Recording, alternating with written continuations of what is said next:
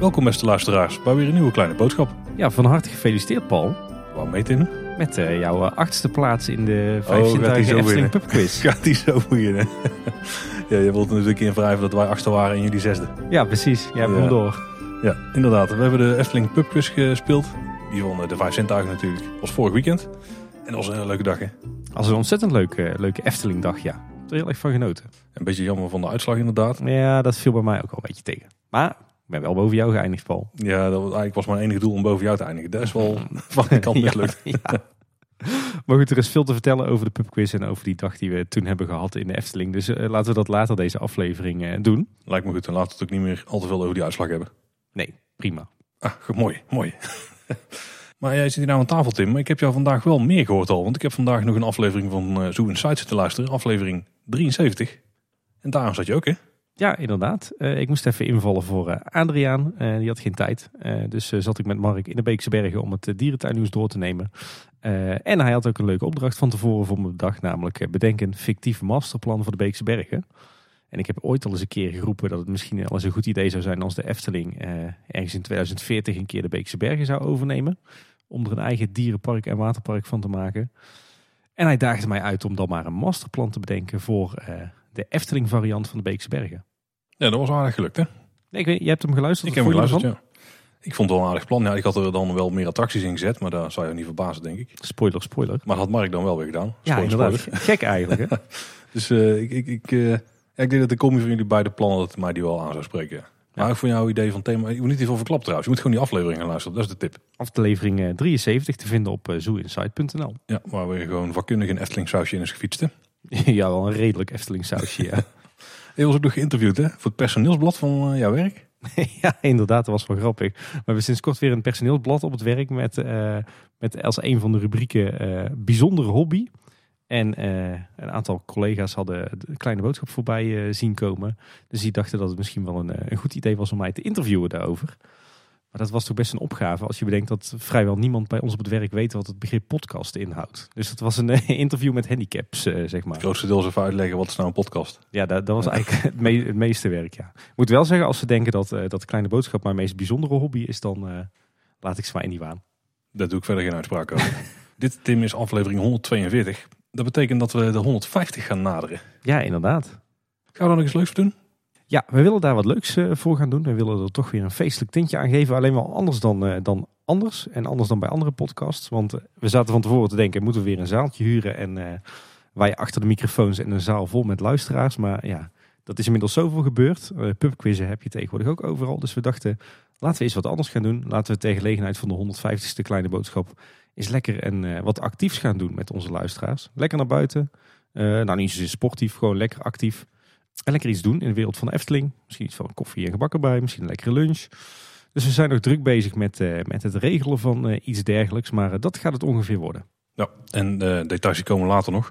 Maar dat zaaltje met die microfoons en zo, dat gaat ook nog wel ooit een keer gebeuren. Maar er zal meer rond 200 zijn. Hè? Niet te veel op de feiten vooruit lopen, maar... Ja, voor 200 heb ik wel een heel ander idee.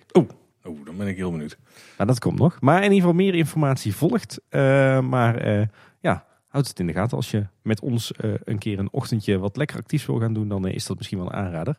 Misschien dat we toch nog wel iets van microfoons meenemen om wat opnames te maken. Maar het zal geen, geen speciale jubileumaflevering worden of zo. En nog even de blokdagen meldingsservice. Afgelopen weekend hadden we op zaterdag een blokdag. En ook op zaterdag de 21ste en zondag de 22ste is er een blokdag. En op zaterdag de 28ste en de 29ste is er een blokdag. Dit is wel echt een heel berg blokdagen. Maart wordt wel echt een zware maand voor ons, ja. Ja, want even voor de luisteraars die denken, een blokdag, waar heb jij het nou over, Paul? Een blokdag is natuurlijk een dag waarop ons eh, Efteling abonnement niet geldig is vanwege een bedrijfsevenement of een, eh, een uitkoop zoals we die vroeger noemden. En die zijn er eh, deze maand dus vijf in totaal. En er was in eerste instantie op zondag 8 maart ook een blokdag, maar die is vervallen. Ja, dat was toen nog wel het, eh, het KRO-NCV ledendag evenement. Eh, maar ze hebben ervoor gekozen om dat niet, te- niet te blokken voor eh, abonnementhouders. En eh, wie weet dat van die resterende vier dagen in maart, dat daar ook nog wel dagen van uitvallen. Want dat is de afgelopen tijd wel echt een trend. Inderdaad, dan zou ik even de social media van de Efteling in de gaten vlak voordat je gaat. Want het kan goed zijn dat je in één keer wel naar het park kunt met je abonnement. Ja, en wij Wacht zullen... even. wa- Als je zou gaan, Dat kon natuurlijk niet. Maar je snapt wat ik bedoel, hè? Ja, ja precies. en ik wilde nog zeggen dat, eh, dat eh, we jullie natuurlijk ook op de hoogte houden van wijzigingen eh, in onze afleveringen en misschien ook wel social media. De follow-up, Tim. Aflevering 140. Dat was een nieuwsaflevering. Ja. We kregen wat feedback van Nick. Ja, inderdaad. Nick, eh, met de geuzennaam Eftel Nerd of Efteling Nerd, eh, die wist ook te vertellen dat het grootsteentje in Lots Kraamhuis het weer wel doet. Dat is iedere keer op en af.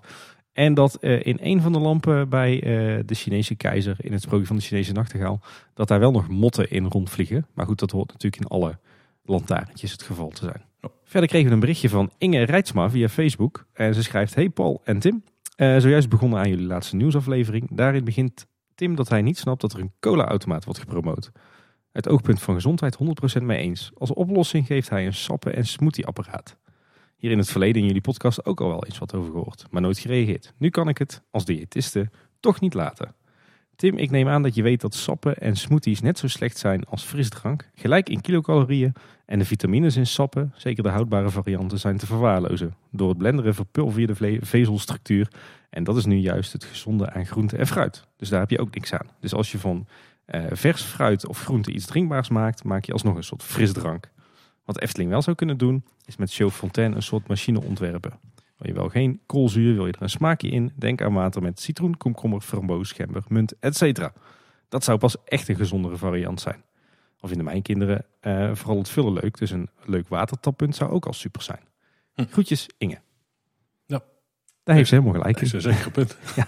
Al heb je overigens al wel leuke watertoppunten in Efteling. Ja, bij Polles Keuken, hè? En eh, ook bij ja, de Vliegende Hollander, die werkt niet meer, die daarvoor staat. Jawel, jawel. Die werkt er nog steeds. Ja, En dan hebben we natuurlijk nog de uh, ganshoester. ja en de, de pomp met de ding, drinkenbroer, de pomp in het lavelaar. Dus de, op zich zijn er al leuke watertoppunten, maar het is niet altijd even duidelijk dat je daar ook gewoon water kunt tappen. Misschien moeten we dat dan even wat meer promoten. Ja, Anne, mijn vrouw, die moest wel heel erg lachen dat we nu ook al gecorrigeerd werden door een, eh, een diëtist. Ik zei al, ja, dat is een, een, een diëtist advies eh, laten geven over mijn, eh, mijn eh, eten- en drinkstijl is een beetje hetzelfde als een schilder naar een totaal vervallen pand sturen. Er is niks meer aan te redden. Qua eten en drinken, eh, ja. Goed, ik eh, kon er wel mee lachen. Ik kreeg ook nog wat feedback van Milena. Die was ook in de kamers geweest in Bosrijk, de omgebouwde kamers. Toen wij pizza bestelden, kregen wij plastic bestek erbij. Was wel even zoeken, want ze hadden het in een grote papieren zak gestopt. Die we voor afval moesten gebruiken en later aan de deurkling moesten hangen. Niet zo best voor het milieu. Ik snap niet waarom ze hier niet gewoon van echt bestek voorzien in de kamers. Ze moeten de theekopjes toch dagelijks verversen. Dus zouden ze evengoed het bestek ook kunnen meenemen om te wassen. Je ziet natuurlijk ook die discussie van eh, wat dat er geen bestek bij zat. En dat de luisteraar met de handen moest eten om, Ja, die- eh, om de salade weg te krijgen. Precies.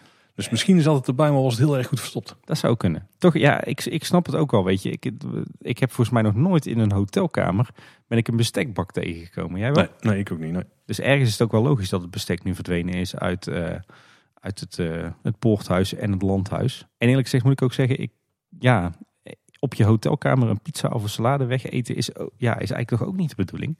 Meestal als je toch in een hotel... Ja, maar meestal als je toch in een hotel zit, dan ga je toch gewoon in, in het restaurant van het hotel eten. Of, eh, Nee, soms ben je keigaar en dan denk je van ik trek je een chille pak aan en ik blijf gewoon lekker op elkaar en ik laat wel komen. mm. Ik zit net te denken, maar dan moet je de volgende buitenwereld voor luisteren. In Abu Dhabi hadden dus wel bestek op de hotelkamer. Oeh, Maar kijk. dan hadden we ook een hele keuken, dus misschien... Ja, dat is dan niet echt meer een hotelkamer, Nee, is meer een appartement. Ik, ja, erg, ja, ik, inderdaad, als je aanbiedt dat je pizza kan bestellen eh, op de hotelkamer, dan zou het wel fijn zijn als je daar wat serviesgoed voor hebt. Maar ja, aan de andere kant, ik snap ook wel dat je in een hotel weer geen keukentjes met servies hebt. Dus het is een beetje een rare, Nee, maar als Ja, we wat eh, bamboebestek of zo erbij doen, dan eh, komen heel eind toch? beter dan plastic bestek, ja. Roy Dien die wist nog te melden dat het receptieloos inchecken al sinds maart, april 2019 mogelijk zou zijn in Bosrijk. Volgens mij hoorden ook van andere mensen dat het mogelijk al vanaf het begin zelfs mogelijk zou zijn. Ja, of het helemaal vanaf eh, sinds eh, 2009 al kan, Ja. weet ik niet. Maar eh, het schijnt al langer zo te zijn in ieder geval. Hij zei ook nog, als je een boeking doet gekoppeld aan je Mijn Efteling account, en dat kan ook telefonisch, kun je een kenteken van je auto doorgeven tot 48 of 24 uur van tevoren. En dan werken de slagbomen automatisch. Dus dan als je de sleutelkaart al hebt, kun je zelfs gewoon naar het parkeerplaats rijden. Kun je meteen doorrijden met je sleutel, of tenminste dan kun je zelfs het park op. Alles lossen naar de parkeerplaats. Hoef je ook niks te doen, want de auto wordt wel herkend. En dan eh, loop je zo je huisje in. Ja, ik vind er nog steeds wel een, eh, een kans voor eh, het, het hoofdparkeerterrein van de Efteling. Daar zitten diezelfde eh, slagbomen in van Skidata. Daar zit ook zo'n camera in die nummerplaten herkent. Het zou dus schitterend zijn als je van tevoren gewoon op de Efteling-site een parkeerkaartje kan kopen.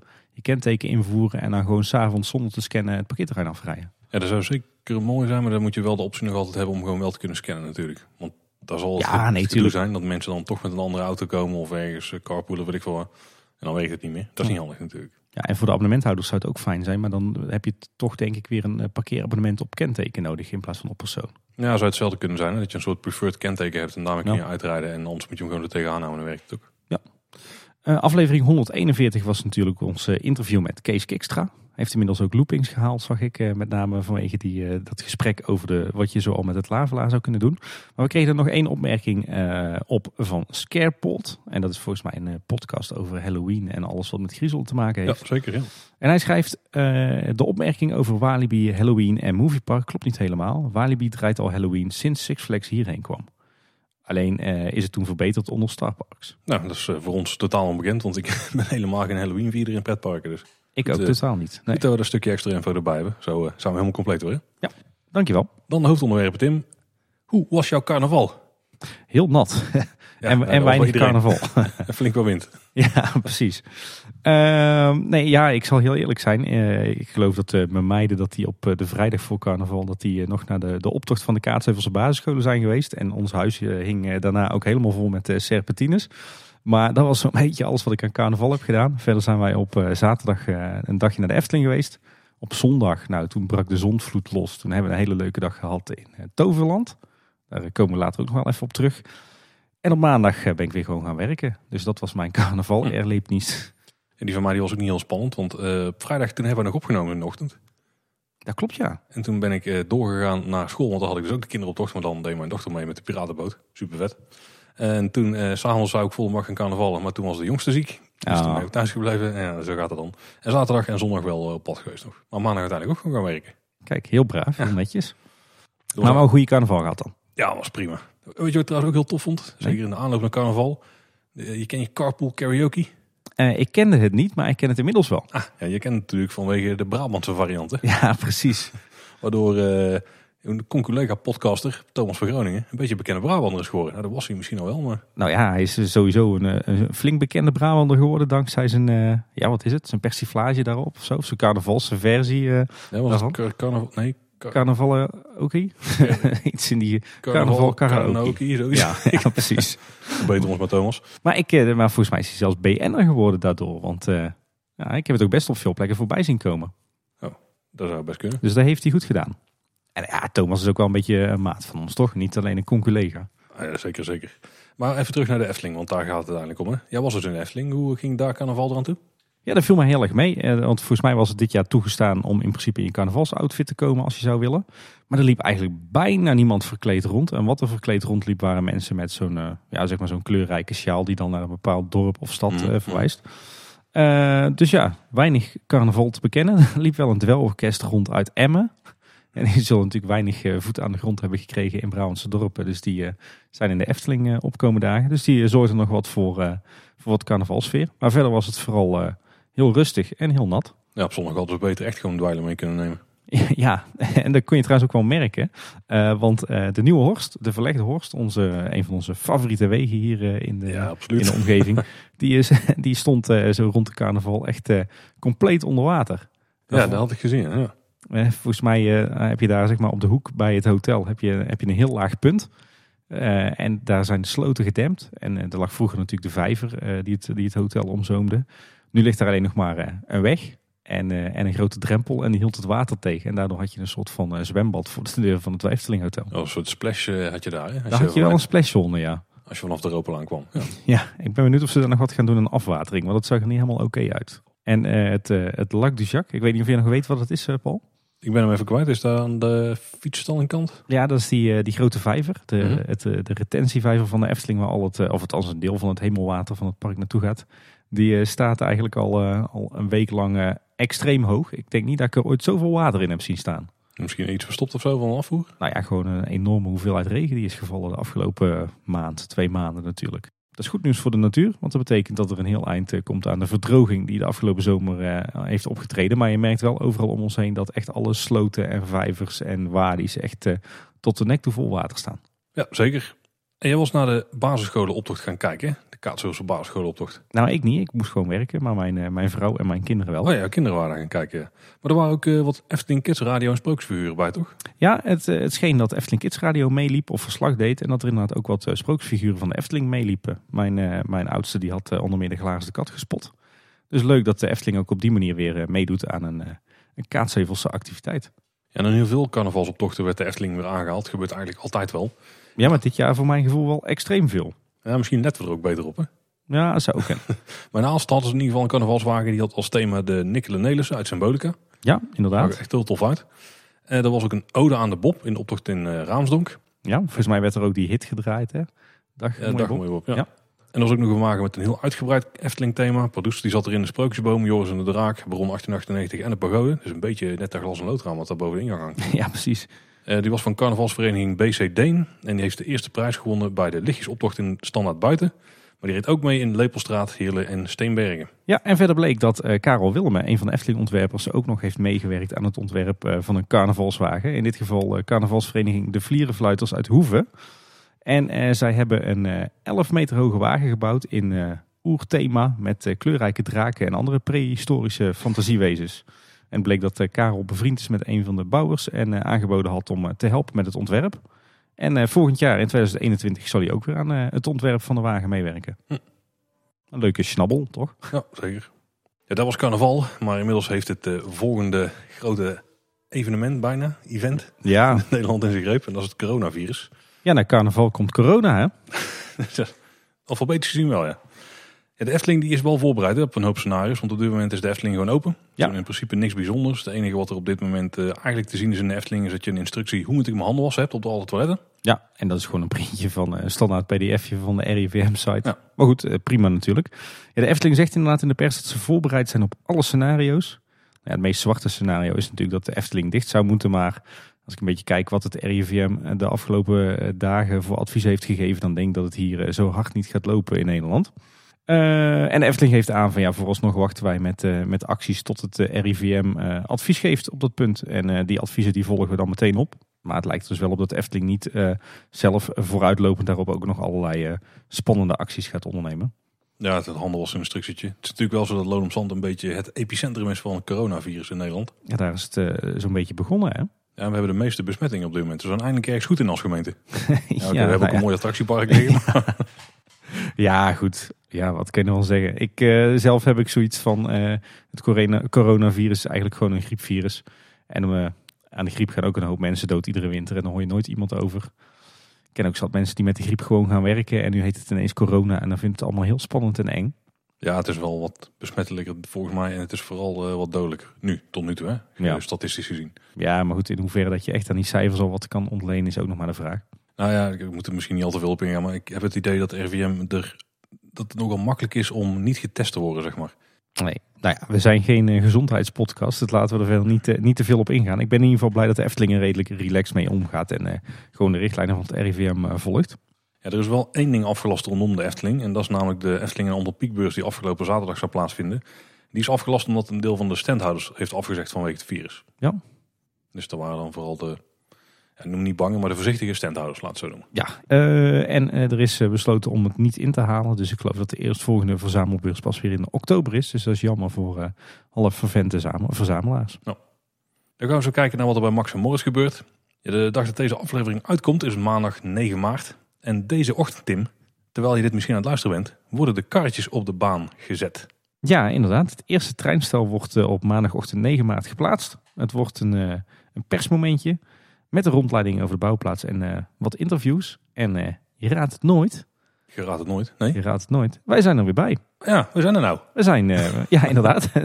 we zijn er inderdaad op dit moment, op de maandagochtend. Ehm, ja, we zijn weer uitgenodigd. Hartstikke tof. En we willen daar weer een, een ouderwetse kleine boodschapreportage gaan draaien. Ja, dus die komt denk ik als bonusaflevering uit komende week. Dus hou onze, onze feed in de gaten. Eh, wat er ook is gebeurd is dat er weer een nieuwe making-of online stond. Dit keer met een hoop eh, handgemaakte decoraties en de thematisering. Ja. Ik moet zeggen, wat ik daarin zag, stond mij voor het grootste deel toch wel aan. Ja, inderdaad. En dan was het ook wel een, een hele veilige aflevering in die zin. Want het is natuurlijk altijd eh, leuk om te zien hoe alle decoratie, decoraties worden gemaakt. Hoe de vormgevers aan het werk zijn. De decoratieschilders. Die kunnen natuurlijk ook weinig fout doen. Hè? Nee, zeker. En het is ook dat de, de alle, maar, alle details op zich die waar ze mee aan het werk zijn of waar ze aan aan het werk zijn, die zien er ook gewoon ja, best wel goed uit. Ja, en de Efteling blinkt wat dat betreft ook wel uit in, eh, in al dat vormgeefwerk. hè. Dat ziet er gewoon allemaal super mooi uit. Het schilderwerk ook heel mooi. En eh, ja, dat be- bewijst deze aflevering maar meer. Ja, waar ze heel veel tijd aan besteden, dat waren de armaturen. Dus alle lichten en lampen die ze gaan ophangen. Ik denk niet dat er ooit ergens een making-of verschenen is van om het even wat voor eh, object eh, waarin zoveel eh, aandacht was voor, het, voor verlichtingsarmaturen. Maar overigens ook de speakers in blijken te zitten, wat best een slimme combi is. Ja, inderdaad. Een, een heel uitgebreid, ja, uitgebreide reportage over het ontwerp en het, met name de productie van die armaturen. Die blijkbaar in Duitsland met de hand worden gemaakt. Nog echt in een smidse. Ja, en als ik goed zat te kijken in de achtergrond, dan hingen er ook wat foto's van lampen uit Symbolica. En volgens Ja, mij hadden ze ook voor andere plekken in de Efteling al lampen gemaakt. Dus Ja, ik weet, in mijn tijd destijds was er een beetje een, eh, een vaste leverancier die, eh, die echt een enorme catalogus had van eh, allerlei gethematiseerde lampen. Ik weet even niet of dat, eh, of dat dit dezelfde leverancier is of dat dit toch een ander is. Omdat dit meer eh, handwerk is dan wat je normaal gezien eh, in de Efteling tegenkomt. Maar eh, ja, mooie club volgens mij. En ook leuk aan deze making-of vond ik dat er ook wat ruimte was voor weer wat, eh, wat nieuwe gezichten. Ja, maar dat is iedere making-of tot nu toe eigenlijk. hè. Ja, maar vroeger waren het toch altijd een beetje dezelfde Eftelingers die iedere aflevering weer eh, voorbij komen. En deze keer eh, zowel de, de kerel eh, van decoratie vormgeving en die van, van engineering, die, die waren nieuw. Die zijn volgens mij nog nooit in de pers verschenen of in de making-of. Dus tof dat die nu ook een podium kregen. Ja, zeker. Ja. Wat ik vooral heel erg mooi vond aan deze making-of was denk ik een van de laatste beelden die erin zat. Dan kreeg Ja. je een shotje van een wand. Ja, die moet gewoon in het station zitten, dat kan bijna niet anders. Nee.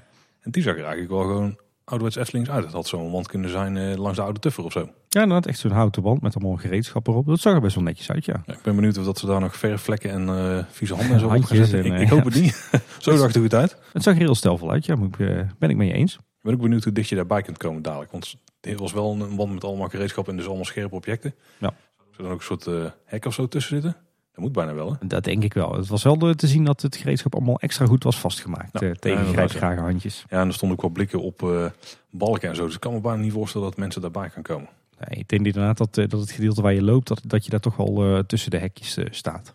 Ik heb ook zo'n vermoeden. ja. Maar weer een, een ouderwets vermakelijke aflevering van de Making of. Niet heel nieuwswaardig, maar wel gewoon leuk om te kijken. En komende week dus ook weer één. En ik vermoed dat we daar dan ook het plaatsen van het voertuig dus zien. Want Ja, ja, dat gaat dus deze week gebeuren. Dus dat, is dat komt timing technisch mooi uit. Ik ben benieuwd of wij met onze blije bakkes eh, Oh, nog in beeld komen. dat risico is het dan wel. hè? Ja. Nou, houden we die making of weer in de gaten. En we hebben nog wel andere nieuwtjes over Max en Moritz. Minder valide bezoekers. Die kunnen straks alleen maar gebruik maken van de Maxbaan. Dus de blauwe baan. Ja. Ik had erover verwacht dat dit is een vraag bij de pubquiz zou zijn. Welk karakter heeft welke kleur baan? En ik had hem geoefend, maar het was geen vraag. Nee. Dus, Heb je geoefend voor de pubquiz, Paul? Ja, dat was ook het enige eigenlijk. Dat was niet te merken. Nee. is Oh, wacht, daar zou ik geen grap meer over maken. Eh, de reden daarvan is dat, eh, dat eh, minder valide bij het betreden van de wachtrij, dus na, nadat ze zeg maar door de poort zijn gegaan, meteen links afslaan en met een lift naar het opstapstation gaan. Dat is wel bijzonder, want ik had eigenlijk verwacht dat ze dus vanaf de andere kant gewoon van de, de, de, hoe noem het, de ramp, dat ze zo het station Ja. zouden komen. Eigenlijk zoals vroeger bij de Bob. Maar blijkbaar willen ze daar het verkeer gewoon één richting hebben. Ja, inderdaad. En misschien is het ook wat, eh, wat comfortabeler voor de rolstoelers, want ik kan me voorstellen dat het best wel zwaar is als je een, eh, een, eh, een rolstoel naar boven moet duwen over zo'n hellingbaan. Ja, dat is wel zeker wel een goede. Ja. Het is wel nog de uitgang, hè? Ja, als je naar, naar buiten gaat, dan ga je wel gewoon via de hellingbaan. Dus daar goed vast te houden, want anders rol je zo vol een bak naar Ja, beneden. precies. Maar het is inderdaad wel bijzonder. Het is alleen maar blauw. Maar het is eigenlijk een beetje vergelijkbaar met Symbolica, waar je alleen maar de muziektour kunt doen. Ja, en Joris en de Draak, waar je natuurlijk standaard in water terechtkomt. Oh, is het ook zo, ja? Ja. Oh ja, tuurlijk, want dat is natuurlijk... Ja, ja daar heb je de, ja, hetzelfde verhaal eigenlijk. hè. Was ook hard aan het werk zijn is bij de meandering. Ja. Daar hebben ze een hoop... eh, De, de vorige keer stonden er al van die grote stammen. Daar hebben ze nu ook een hoop hekken tussen gezet. Ehm, ja, heel veel is afgewerkt met plankjes. Een beetje ruimte zit er overal tussen wel. Wel Ja. open hekjes, zeg maar. Ja, inderdaad. Eh, de verharding die ligt er zo goed als in, dus de stenen. Eh, dan heb je die, die wat hogere boomstammetjes, die zijn al eigenlijk allemaal al voorzien van die armatuur met die spiekertjes erin. Mhm. Allemaal in andere kleuren zag ik. Dat is typisch Max Moritz. Andere kleuren dekseltjes, ja. ja. Eh, alle kolommen die in het landschap staan, eh, als onderdeel van de, van de wand, zeg maar, van de muur eh, tussen het asfalt en de attractie, maar ook als onderdeel van alle poorten die je in het, eh, het eh, wachtrijgebied eh, hebt, die zijn allemaal netjes eh, afgewerkt en ingeschaduwd. En eh, er is her en der ook al wat decoratie aangebracht. Ja, dat is wel tof hè. Er lagen wat de kettingen klaar zag ik. Ja. Maar die hebben ze volgens mij gewoon opgehangen en op dat moment vastgelast. ja, Dus, inderdaad. dus die kun je gewoon eh, die kun je op iedere manier zetten, maar die hangen altijd exact hetzelfde. Dus die stonden ondersteboven klaar om gemonteerd te worden. Ja, precies. En ik zag net nog wat foto's voorbij komen van het, eh, het scheetkussenorgel. Ja, ja, ja, ja, ja, ja, inderdaad. Ja. Wat we ook hebben gezien is dat er wat bloemetjes zijn verschenen. En die hangen in de bloembakken bij de Schule. Dus aan het groene gebouwtje. Ja, inderdaad. En eh, die eh, grote dubbele houten deur, eh, zeg maar, onderin dat geveltje wat eh, tegen de voorgevel aan is geplakt. Met die eh, grote koekoeksklok, Mhm. zeg maar. Hebben ze nu ook netjes op, eh, op kleur gebijtst. En die hellingbaan bij de uitgang waar we het net over hadden, die is ook een heel eind gereed. Dus de, het houtwerk, de leuningen en de lampen die staan er al. Ja, en ook die trouwens weer in verschillende kleurtjes. Mooie, mooie lamp hier. En tot slot zag ik ook nog wat foto's voorbij komen van die entreepoort, zeg maar. De, zeg maar twee stenen kolommen met daar dat houtwerk bovenop. eh, waarmee ze zo'n soort portaaltje hebben gemaakt. Maar die is, nu ook voorzien van eh, een koekoeksklok met daarop het logo van Max en Moritz. En links en rechts daarvan Max en Moritz in een zeepkisten. Zeepkistjes. Ja, hier is wel iets fout gegaan. ja, hier is iets met het verschalen niet helemaal lekker gegaan, denk ik. Maar niemand heeft het tussendoor opgemerkt of zo. Even voor, de duidelijkheid. Die zijn echt enorm klein uitgevallen. Als je de originele concept art erbij pakt, dan eh, zijn die ongeveer, eh, nou, wat zijn de helft van de hoogte van de koekoeksklok die in het midden zit of zo. Ja. Ik denk dat nu maar een kwart is of zo. Dus hij is echt, dus ook maar een kwart zo groot als wat hij zou zijn. lijkt Ja, het is echt, echt een enorm massieve entreepoort. Eh, met, met van die grote dikke houten balken er bovenop. En dan die koekoeksklok, die is op zich nog wel redelijk aan de maat. En dan inderdaad twee van die mini mini van figuurtjes die erop. matchbox auto's. Ik ben, ik ben trouwens wel benieuwd of die, die, die nog op en neer gaan rijden. Want er was volgens mij wel ook nog, werd ook nog opgehint in bepaalde tekeningen. Nou, ik, ik, heb, ik heb echt de vermoeden dat hij echt iets fout is gegaan. Gewoon met de schaal inderdaad. Of iemand heeft eh, ergens een, een, een iets gehalveerd of weet ik veel wat. Of in het begin verdubbeld. Eh, want er komen ook nog van die, eh, van die scharen aan. Hè? Van die, eh, ja, hoe moet het, hoe noem je? Van die Ja, van die knikschaar inderdaad, ja. knikschaar? Ja, Ja, nou, ja, in ieder geval van die soort ruiten die dan aan elkaar zitten. En die dan Ja. in en uit kunnen, kunnen vouwen. Zoals die grijptangen van, van vroeger. Als je, daar heb je als kind misschien wel eens mee gespeeld. Maar die komen natuurlijk aan. Maar als die dus wel op de goede schaal zijn gemaakt, dan zijn die groter dan de autootjes waar ze aankomen. Ze hebben Ja. ook in de hoogte. Dus die kunnen helemaal niet gemonteerd worden. Dus of ze gaan die gewoon vast erop zetten en ze klussen wel andere, of ze gaan de decoratie opnieuw. Dat kan ik me niet voorstellen, want toen iemand die erop heeft gezet, hebben ze toch wel gezien van, dit klopt misschien niet. zouden ze daar bovenop gewoon wat, eh, wat oude Merklin spoortjes hebben neergelegd. Dat ze daar overheen gaan Oh, dat ze zo op en neer gaan. Ja, de- nou, dan rijden ze ook eh, drie weken. ja, precies.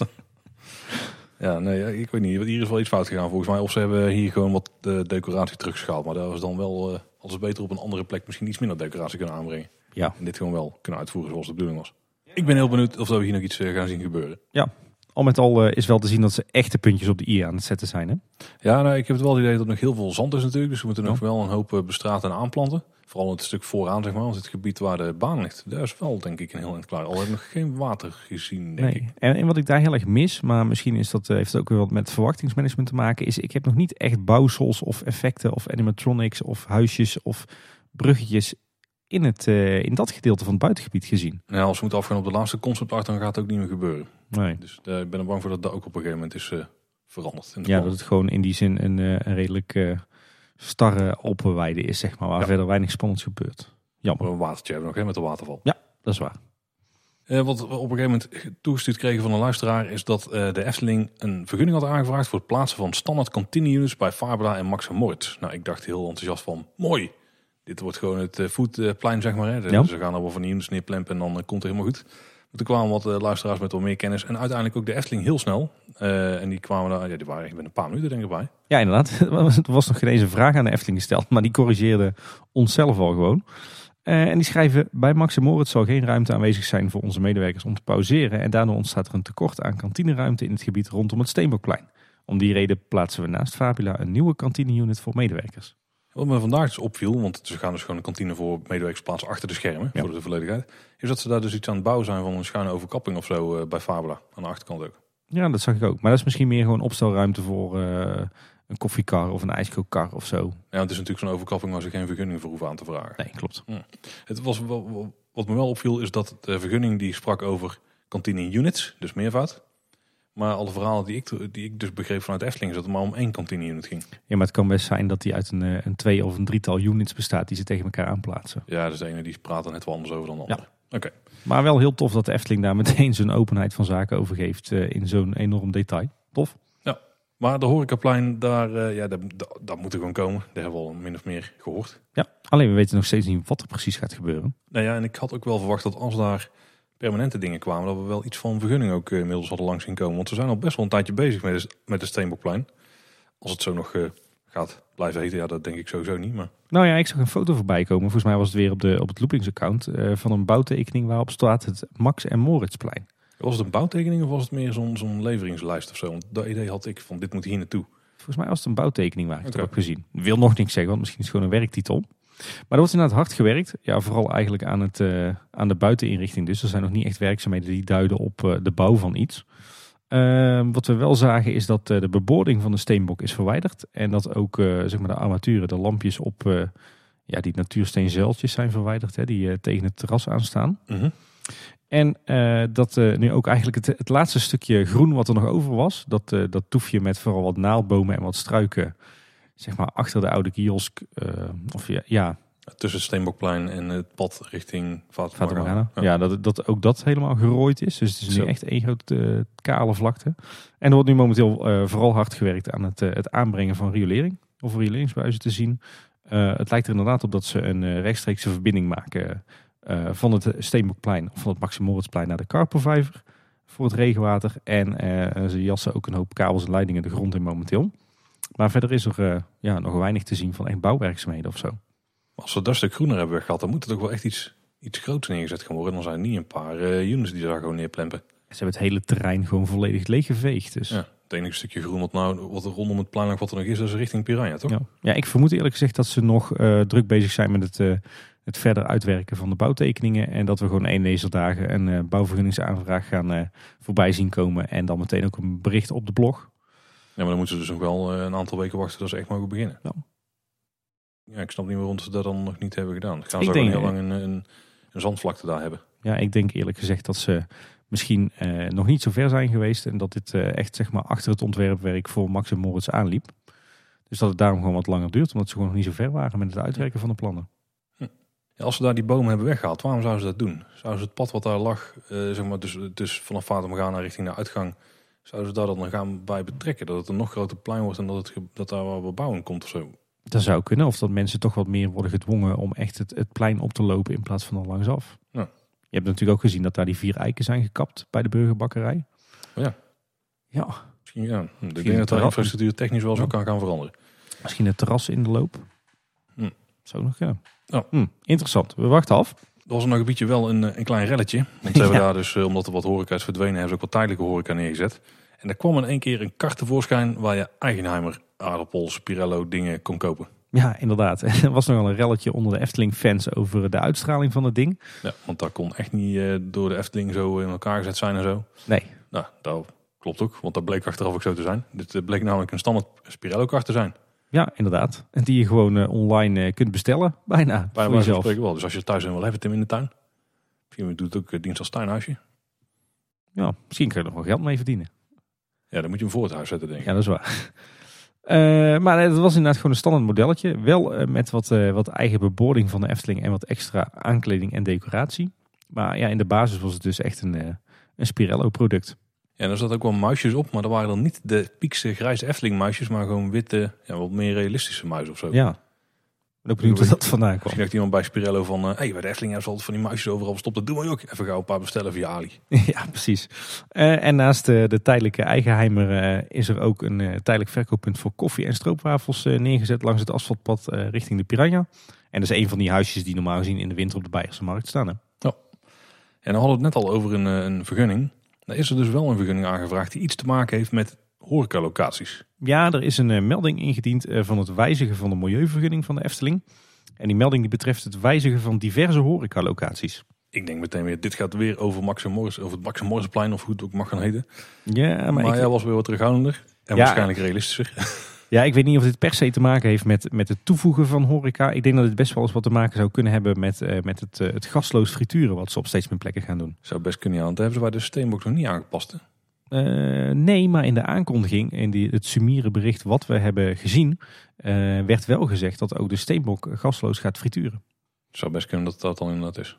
Dus dan wordt de milieuvergunning gewoon aangepast, want dan heeft de Efteling natuurlijk veel minder uitstoot. Ik heb kort over de horecaplein. Want ik heb altijd het idee gehad dat het Steenbokplein een beetje bleef zoals het was qua vorm, grofweg. En ik dacht, ze gaan stenen eruit trekken. En er moet iets weg, want die bomen, is iets mis mee of weet ik veel wat. En dan leggen ze er nieuwe riolering in en hebben ze alles goed geregeld. En dan komen er gewoon weer van die tijdelijke units. Maar ik heb steeds meer het, idee dat daar gewoon echt niet gaat gebeuren. Dat er echt wel iets groters eh, tot stand gaat komen. Dat kan toch niet alleen voor wat kleine huisjes zijn die ze daar neerzetten. Ik denk dat we een soort eh, permanente Beierse markt krijgen. Ja, dat moet wel. Hè? Misschien eh, met een eh, net iets ander materiaalgebruik dan alleen maar die houten blokhutten. Misschien ook wat meer steen. Zodat het ook wat, eh, wat meer tegen weer en wind kan. En de medewerkers ook wat comfortabeler staan. Het past natuurlijk leuk in dat Zuid-Duitse sfeertje. Dus ik verwacht zoiets. Ja. Ik denk eerlijk gezegd dat dat, dat foodcourt idee of foodplein of die huisjes, dat het nog steeds een gouden vondst is. Dus gewoon een soort algemene ruimte waar je met z'n allen kan eten en drinken. Hè, het buitenterras, En Dat plein? een groot binnenterras. groot binnenterras zou ook kunnen. En daar rondomheen gewoon huisjes waar, eh, waar ieder, voor ieder wat wils is. Dus de een die gaat de stroopwafel halen, de ander een, eh, een broodje braadworst, eh, de andere een halve haan. Dus ik denk dat dat op zich wel een heel prettig concept is. Wat volgens mij ook goed werkt bijvoorbeeld bij Station de Oost. En ja, dat lijkt erop dat ze dat hier nu gaan toepassen, maar dan meer in de open lucht. Ik ben heel benieuwd. Ik denk, denk, het moet wel iets groter worden. kan bijna niet anders. Hè? Ja, thematisch is natuurlijk ook top. De vorige keer toen hadden wij wat discussies over de Hollandse gebakraam. Die is inmiddels open. Ja, inderdaad. Het, eh, het is overigens geen kraam op wielen, geen echte gebakraam. Maar het is meer een, eh, beetje zo'n standaard eh, verkooppuntje. Het deed mij vooral heel erg denken aan een soort van frietkot. Ja, het is eigenlijk weer de smaakmaker, hè? maar dan ja, weer een andere vorm. Ja, echt gewoon een, een, een unit die is neergepland. Niet echt een kraam of zo. Nee, dat klopt. Maar dat is wel een beetje de uitstraling die ze eraan hebben gegeven. Maar dan, ja, je ziet er niet wiel onderuit komen of zo. Nee. Maar vind je er nou van, nou het er helemaal staat? Mm, ja, wat vind ik ervan? Ik moet zeggen, het valt me nog best wel mee zoals die daar nu in eh, buiten staat. Eh, best wel mooi dat ze aan, aan de buitenzijde, die, die façade, dat bijna al die krullen allemaal mooi 3D zijn. Ik moet zeggen dat ik eh, de binnenzijde ook best wel mooi gethematiseerd vind. Ja, daar is allemaal stickers overal tegenaan geplakt. Ja, inderdaad. beetje- eh, wat ja. folie, maar toch ook best wel wat 3D-dingen hoor. Wat lijstwerk en wat, Oh, wel. wat mooie armatuurtjes en eh, heel veel decoratie. En eh, de armatuurtjes zijn ook een thema en zelfs het plafond is afgewerkt. Dus ik vind hem aan de binnen- binnenzijde best vrij. Aan de buitenzijde, ja, kan het. Maar ja, weet je, het, het is nu echt gewoon een soort van oliebollen verkooppunt. Maar niet per se een gebakkraam. En zeker geen oud-Hollandse gebakkraam. ja, dus iets meer eh, wonderlijk. Ja. ja. Ik, ik moet hem nog in het echt gaan zien, dus ik heb er nog niet echt een mening over kunnen vormen. Maar van wat ik qua foto's zie en zo, ja, dat ziet er best wel aardig uit. Ja, eigenlijk is het gewoon een soort van standaard horecapuntje geworden met een, eh, een geveltje tegenaan geplakt. Het, eh, ja, het, het stoort niet op het Warrelplein. Nee, maar de kleur, heb je daarop gelet? De kleurstelling is inderdaad anders dan dat je die, eh, die terugziet eh, op andere plekken op het, het Warrelplein. Vind ik nog steeds bijzonder. Nou, ik moet ook zeggen, ik hoop dat dit ook, dat ook dit tijdelijk is en dat als we ooit nog een aangepast Warrelplein gaan krijgen, wat bijvoorbeeld onderdeel uitmaakt van het uitrijk, dat we daar toch echt wel thematisering gaan zien en echt gewoon mooi gethematiseerde restaurants en mooi gethe- gethematiseerde verkooppunten. Want ja, het Warrelplein is nu toch een beetje een samenraapsel van een tentje hier en een eh, unitje daar en eh plemp overal maar wat, eh, wat krullen tegenaan en wat, wat gouden biesjes en wat Eftelingse kleuren en dan, dan zal het wel in thema zijn. Ik denk dat we juni moeten afwachten nog een paar extra projecten en dan zal er toch wel een keer iets gaan gebeuren. Ooit? Ik denk ook dat degene die Max en Moritz de schaalmodelletjes heeft ge- gevormd qua grootte, Ja. dat die ook misschien het kleurgebruik op de Hollandse gebakraam heeft gefixt. Ook net niet. nou, ik moet zeggen, de, de, de vorige keer was ik, er, eh, was ik er niet echt positief over. Ik moet zeggen, het, het stopt mij niet echt zoals het er nu staat. nou, dat is eh, goed genoeg. De Winter Efteling die is inmiddels al heel lang afgelopen, maar daar zijn nog steeds wel wat eh, ja, overblijfselen van te spotten. Ja, eh, de, in, in het Lavelaar dan vooral eh, viel me wel op dat, eh, dat de belletjes zoals die op het orgel van Laaf Ludwig zaten, die zijn nu wel verwijderd. Die hebben Eh. vier weken gehangen. Ja, dus hebben we er wel langer laten hangen, want Ja. anders hingen ze maar zo kort in. ja, precies. Maar er hingen geen ze hebben uiteindelijk geen touwtjes meer aangehangen, hè, wat nog Ja. wel de bedoeling was. Maar wat wel opviel is dat, dat de winterse teksten nog steeds in het, zeg maar op die perkamentrollen nog steeds in Lavisch Lerenhuis liggen. En die zijn ze na de vorige winter Efteling ook al vergeten weg te halen. Dus die liggen daar nu al eh, een winterseizoen, een zomerseizoen, een winterseizoen en nu met een beetje pech weer een zomerseizoen. Dus daar moeten even de, zeg maar de oude zomerteksten terugkomen. En eh, de eh elektriek, zeg maar, die, die daar bovenin zit, zit, waar de monorail ook voorbij komt en die een lamp vast heeft. En zijn maten, de lummels, die hebben nog hun winterse kleding aan. Maar goed, dat is op zich natuurlijk niet een heel erg handig bereikbare plek. Daar zullen ze met zo'n knikarm hoogwerker bij moeten. Eh, maar als ze die kleding nog gaan vervangen, dan moeten ze ook even de lamp van eh, elektriek maken. Want die doet het nu niet. En dan is dat, eh, dat hele leuke effect heeft natuurlijk, werkt natuurlijk niet helemaal 100%. Ja, inderdaad. Ja. En de ijspleister op de speelwaarde die is weg. Dus Ja. de speelwaarde die wordt weer opgeknapt. Hè? Dat wordt straks in de zomer weer. Ja, ik weet niet. Komt weer een voetplein? Of... Ik denk het wel. Grotendeels gras tussen aanhalingstekens en, en inderdaad een klein voetpleintje, lijkt mij. Eh, ze zijn ook zo goed als klaar, volgens mij. Volgens mij was het eh, allemaal weer netjes, eh, netjes gemaakt. Misschien moeten ze nog inzaaien. Weet je wat trouwens ook wel opviel in, in het Lavelaar? Nee. Er staat, staat altijd van die tijdelijke showverlichting. Eh, van die echt van die tijdelijke spots van flashlight. Ehm, maar nu viel me op dat het eh, LED-spots zijn. En dat is op zich natuurlijk niet heel spannend. Alleen ik had altijd gedacht van, je had, vroeger had je van die, van die halogeenlampen met zo'n kleurenfiltertje ervoor. Weet je wel, zo'n, is dat, zo'n cellofaantje in een bepaalde kleur. Mhm. Eh, dat zal nu met LED-lampen ook wel zijn. Of ze hebben LED-lampen die standaard een bepaalde kleur hebben. Maar wat blijkt, al die, die tijdelijke eh, showverlichting in het lavelaar, dat, eh, dat is dus LED. Maar dan per lamp helemaal zeg maar met zo'n DMX-controller. Dus je kan per lamp op de lamp zelf de kleur instellen. Ja, met draaiknopjes achterop of zo. Nou, niet met draaiknopjes, gewoon met, met druktoetsen. Oh, maar dat is bij bijna alle ledlampen volgens mij. Oké. Ik dacht, eh, dat is, het is dus gewoon helemaal RGB kleurenLEDs dan. Als ze daar zijn, dan eh, kan dat meestal, ja. ja. Dat vond ik, eh, viel mij ineens van de, van de week op. Ik denk, zo, dat is luxe. Ja, dat is, bij heel veel, dat is het voordeel van letten. Dan heb je die mogelijkheid, dus ja. Klussen er vaak gewoon in. Ja, ja. Het, het verbaast mij wel dat er trouwens nog steeds geen, eh, geen vaste showverlichting is in het Lavelaar. Want Lavelaar is toch altijd open, of het nou een zomeravond is of winter Efteling. Ja, dan nog steeds van die, eh, Ja, van stangen met waar lampen eraan in de bosjes liggen ergens. ja, dat ze nog steeds ieder jaar eh, de, de verlichting inhuren daar. Terwijl op heel veel andere plekken in de Efteling staat gewoon de, de vaste showverlichting van de Efteling. Hm. Vreemd. Ja, dan ligt dan ook weer bij dezelfde projectleider die ook het, eh, de teksten moet vervangen in het leerhuis. Ja, Zo is nou Ja. wat dingen gaan waar je wel langer over moet nadenken. Ja. Zoals de vijf Sintuigen Efteling pubquiz van 2020. Ja inderdaad. Hoeveel was, hoeveelste was je ook alweer geworden, Paul? Ja, we hadden het heel goed gedaan. Maar ehm, we hebben daar ook wel opnames gemaakt. Hè? Ja, zullen we eens gaan luisteren naar hoe wij die dag hebben beleefd? Ja, en wat heel tof is, er zitten op een gegeven moment ook vragen in die die dag zijn langsgekomen. Dus die laten we eerst gewoon als vraag horen. En dan zul je dadelijk de antwoorden ook geven. Dus onthoud even voor jezelf wat de antwoorden een beetje waren. En dan kun je rand checken hoe jij het had gedaan in de, in de pubquiz. Ja, speel lekker met ons mee, hè? Ik zag trouwens ook dat als je nog meer vragen mail wil krijgen, dan kun je ook naar de Efterpark Lounge luisteren. En je kunt ook nog naar de Facebookpagina gaan van Efteling abonnementhouders. Daar kun je volgens mij ook nog vijf vragen checken. Dus kun je een beetje een idee krijgen van hoe de dag daar eh, verliep. Dus eh, luister met ons mee. Hey Paul, welkom eh, terug in Brabant. Ja, ik ben vanochtend eh, nog uit Limburg hier naartoe komen scheuren. Want er was een eh, mooi evenement in de Efteling vandaag. En daar wou ik natuurlijk wel bij zijn. Ja, precies. We staan nu, eh, het is zondag 1 maart, bijna half twee. We staan op het Carouselplein voor best wel een spannend evenementje, toch? Ja, want het is de, volgens mij de vierde editie van de Vijf Zintuigen Efteling Pub Quiz. Ja, Is dat de officiële volledige naam? Volgens mij wel. volgens mij wel. voor jou de tweede keer, toch, dat je hier aan meedoet? Ja, ik heb vorig jaar ook meegedaan. En dat was ook de reden dat ik dit jaar zeker weer mee wilde doen. Want ik vond het echt heel tof de vorige keer. Ik kon er de vorige keer niet bij zijn, omdat eh, ja, we toen net eh, ouders waren geworden van een, eh, een tweede dochter. Dus dat was even slechte timing. Maar dit jaar ben ik er ook bij. En we zijn er niet zomaar bij dit jaar. We zijn met twee teams erbij. Hè? Ja, we zijn concurrenten vandaag. Hè? Ja, we zijn allebei teamcaptains. Ik heb eigenlijk maar één doel, Tim. En dat is vandaag hoger eindigen dan jou. ja, dat is bij, nou, bij mij. Ik ga wel voor de top 5 notering. Hoor. Ja, nee, dat, dat, ook wel. Als ik weet welke teams er, eh, er allemaal meedoen, denk ik ook niet dat het veel hoger gaat worden dan dat. Nee, Maar we eh, hebben weet. pittige concurrentie. hè. Er is onder andere een team van loopings. Er is een team van eh, plaatjesmakers. We hebben nog mensen die bij de Efteling zelf werken. Ja, inderdaad. Meerdere teams ook trouwens.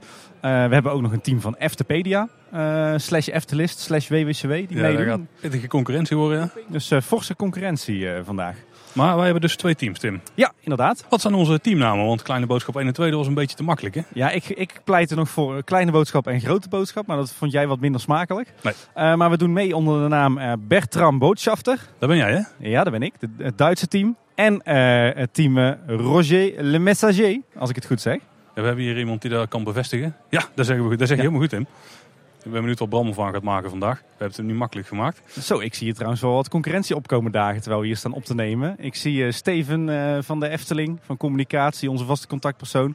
Ik zie Gerry van Dongen, de archivaris. Oei. Ik zie Jeroen Verheij, eh, Efteling ontwerper en Efteling liefhebber. Volgens mij wordt dit echt geduchte concurrentie. Ik ben er wel bang voor, ja.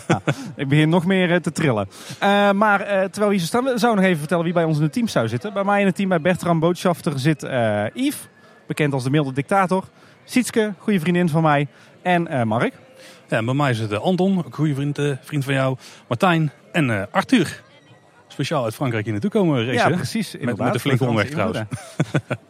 Ja, en we hebben er zin in, denk ik, hè? Ja, zeker. Zullen we gewoon uh, kijken of we daar wel vragen kunnen opnemen en dan de antwoorden erbij. En dan kunnen de mensen die nu luisteren ook een beetje zelf meedoen. Ook al waren ze er niet bij. Precies. Dat is wel leuk, hè? Ja. Helemaal tof. Tot, tot zo. Ja. Van harte welkom in de grootste huiskamer voor ons allemaal hier in de Efteling. Van harte welkom bij de vierde Efteling Pubquiz. Even handjes mogen wie is er vanochtend bij geweest? Zo, dat is het merendeel. Voor de mensen die er niet bij zijn geweest, jammer. Jullie hebben ontzettend veel gemist. Um, vooral uh, mij op het podium. Dus wat dat betreft gaan we daar vanmiddag nog veel meer van zien. Wie zijn er van jullie al vaker bij een pubquiz geweest? De Efteling pubquiz. Ook het grootste gedeelte. Nou, is hartstikke makkelijk. Ik ga het jullie in ieder geval alvast uitleggen. Dus ik hoop dat jullie lekker zitten. Goed, wat kunnen we vandaag verwachten? De quiz bestaat uit 80 vragen, verdeeld over 8 rondes. Voor de pauze krijg je drie rondes met open vragen, een fotoronde en een audioronde. Na de pauze nog eens een aantal open vragenrondes en een videoronde. En na de pauze komt er ook nog een eh, verrassingsronde, maar daarover uiteraard straks meer. Uiteraard zijn er ook wat leuke prijzen te winnen. Ja, ja, ja, daar doen we het uiteraard voor. De eerste prijs is een uh, verblijf voor twee nachten voor vier personen in het Loodse land. Ja, daar mag voor geapplaudisseerd worden. Ook prijs 2 is heerlijk. Dat is namelijk een heerlijk diner bij het Wapen van Ravelijn voor vier personen. En de uh, derde prijs zijn vier Efteling sprookjesboeken. Ja. En alle prijzen zijn dit jaar uh, beschikking gesteld door uh, de Efteling. Dus geeft hij ook nog even een fantastisch applaus. Ja, anders hadden we hier nu niet kunnen zitten natuurlijk. We hebben ook nog een, een extra prijs. Als je elfde wordt, dan krijg je van ons de net geen top 10, maar niet mokkenprijs. Nou, laten we maar beginnen. Vraag 1. Een algemene vraag over mijn lookalike Hollebolle Gijs. Hoe... Ja, ik eet graag. Hoeveel runderen eet Hollebolle Gijs in totaal volgens het algemeen bekende versje... dat ook in het park bij twee gijzen te lezen is? Oeh, dus hoeveel runderen eet Hollebolle Gijs in totaal volgens het algemeen bekende versje dat ook in het park bij twee gijzen te lezen is? Vraag 2. Bij een vorige editie van onze pubquiz vroegen we naar de tijd die op de klok van Pandadroom die in het Efteling Hotel bij de lift hangt. Deze staat op 5 voor 12. De tekst op dat bordje is ondertussen vervangen door Assepoester. Maar welke tekst staat er op het bordje onder de meest linkse klok die de normale tijd aangeeft? Vraag 3. Dit is een afbeelding uit het Suske en Wiske album De Efteling Elfjes. Je ziet hier een diamant van boven het park anno 1978 vliegen. En hierover hebben we een dubbele vraag. Vraag A. Waar stort de diamant neer? En vraag B. Wie blijkt uiteindelijk de diamant te zijn? Eén antwoord goed is een halve punt, twee antwoorden is één punt. Dus je ziet hier een diamant boven het park, anno 1978 vliegen, uit het Suske en Wiske album De Efteling Elfjes. Met daarbij de vraag A, waar stort de diamant neer? En B, wie blijkt uiteindelijk de diamant te zijn? Vraag 4. In speeltuin Kindervreugd tussen Villa Volta en het Lavelaar staat de dierenmolen. Dat is een duwmolen met daarin vier verschillende dieren waarop je kunt zitten. Welke vier dieren zijn dit? Twee goede antwoorden is een half punt, drie goede antwoorden is een heel punt en alle vier goed is een bonuspunt. Gaan we naar vraag 5. Tijdens de filmvertoning van Pandadroom uh, kwamen er uh, apen aan lianen die twee petjes en softijsjes uit de zaal haalden. Eén van die petjes wordt aan Oek de aap gegeven. Welke kleur had dat petje. Als je het niet weet, vul wat in. En dan gaan we zo dadelijk de blaadjes weer ophalen. Tim, we zijn al uh, een paar rondes bezig. Volgens mij zijn we ongeveer op de helft nu. En uh, we hebben de grote pauze. Hoe gaat het met jouw team? Volgens mij gaat het uh, best wel aardig. Ik, we zitten er lekker in als team. Ik heb het idee dat het iets minder gaat bij ons dan dat vorig jaar ging. Maar ik heb ook het idee dat het niveau van de rondes redelijk gelijk is. De vorige keer had je echt wat inkomrondes, zeg maar. Dan scoorde je 9 of 10 uh, goede punten als je er redelijk goed in zat. Maar nu is het bij ons zit het iedere keer rond de 6, 7 goede antwoorden, denk ik, per ronde. Ja, nou, ik, ik, was natuurlijk de voorgaande jaren niet bij, dus voor mij is het, is het helemaal nieuw. Maar ja, ik moet wel zeggen, ik word hier wel echt blij van. Ik, leuk, uh, ja. de, zeker de fotoronde en ook de audioronde, echt ontzettend gaaf. Uh, ik merk wel dat ik tot de een of andere manier heel erg angstaanjagend uh, fanatiek van word. nou ja, ik, we hebben het net al gezegd, er zijn hier heel veel groepen die er zeker heel veel van weten. ik denk dat we wel zware concurrentie hebben. Ik, ik denk dat jullie het net iets beter doen dan wij op dit moment. Ik durf het niet te zeggen. We gaan best wel lekker. We gaan zeker niet uh, voor 100% scoren. Want we hebben iedere ronde wel wat puntjes laten liggen. Ja, dat is iedereen. Er zit ook wel één, één slechtere ronde tussen. Maar... Uh, Wat ja. jullie de slechte ronde tot nu toe? Uh, ronde 4 denk ik. Ja, bij ons ook. Ja. Ja. open vragen. We hebben er maar twee of drie goed of zo. Ik denk alleen wel... de concurrentie is wel moordend als ik zie wat hier, wat hier zo al aan teams zitten. Dus ik vraag me heel erg af hoe hoog dat we gaan eindigen. Of we aan die top 5 notering gaan komen. Maar ja, los daarvan is het gewoon een hartstikke leuke middag. Hè. Heel veel bekenden zien we van vroeger, uh, van nu. Uh, ja, hele gave verrassingen. Hè. Gave geluidsfragmenten uit Fata Morgana. OJ Punctueel verraste ons nog met uh, de regels die hij had ingesproken. Schudt in elkaar, hè? Ja. ja, en ik zeg al, wat, ik vooral grappig vind is... ik denk dat, dat het pubquizzen op zichzelf voor mij nou normaal gezien niet echt mijn ding zou zijn. Ik ben ook totaal niet competitief. Ik ben ook niet sportief. Maar ik merk echt dat zich nu een soort van spanning uh, heer en meester over me maakt. De, ja, die me echt uh, zwaar gemotiveerd en opgefokt maakt. Dus dat is een beetje, beetje eng ook wel. Ik had ook al wel een favoriete vraag, denk ik, tot nu toe. Dat was denk ik de vraag waarbij je foto's kreeg van volgens mij tien bekende Nederlanders. Of in ieder geval bekende mensen. En dan moest je dan de namen van combineren, de voor- of achternamen. Er kwamen dan weer allemaal mensen uit de Eftelingwereld uit. En daar moest je dan de vreemde eend uit de buitendeur uit wegstrepen. Of tenminste, die moest je eruit halen. Dat was het goede antwoord. Ja, die was, die was heel leuk. Die ging ook wel heel lekker. Ik vond zelf een aantal audiovragen wel heel tof. Bijvoorbeeld uh, zet de fragmentjes uit uh, Fata Morgana op de juiste ja, ja, zeker. Ja, dat was ook wel echt een lekkere nerdfactor, zeg maar. Ja. Die hadden we wel, ja, die hadden we goed. Ja, jullie ook, hè? Ja, ja die hadden wij ook goed. Na wat, weliswaar wat discussie binnen het team. Maar ja. Uh, ja, de sfeer is goed. Het is ook hartstikke goed verzorgd. Eten, drinken erbij, zoveel je wilt. ja, ze hebben het gewoon ontzettend leuk in elkaar gezet, die jongens van de Vijf Zintuigen. En we gaan eens uh, verder kijken wat er allemaal nog gaat gebeuren in de quiz. Ik uh, ben heel benieuwd, want volgens mij komen er meer uniekere rondes met wat minder uh, vragen waar je een antwoordje op moet geven. Die komen nu volgens mij. Ja, en ook nog een videoronde, hè? Ja, ben heel precies. Daar heb ik wel zin in. Zeker. Ja. hey, we gaan weer lekker quizzenbal. Yes. Oh, nog één ding wat ik zeker niet mag, onbenoemd mag laten. Jurgen Veilig kwam nog even langs hè, met een vraagje. Ja, inderdaad. Al opgenomen ergens tijdens de zomer, want ja. de Bob stond er nog, vier. Het Bobgebouw in ieder geval. En we hebben allemaal vlaggetjes gekregen van Jurgen nog. Ja, Die mogen we houden. Hartstikke tof. We gaan straks naar huis met een goodiebag. Dus uh, hey, we gaan weer quizzen, Paul. Jo, tot zo. Hoi. Oh.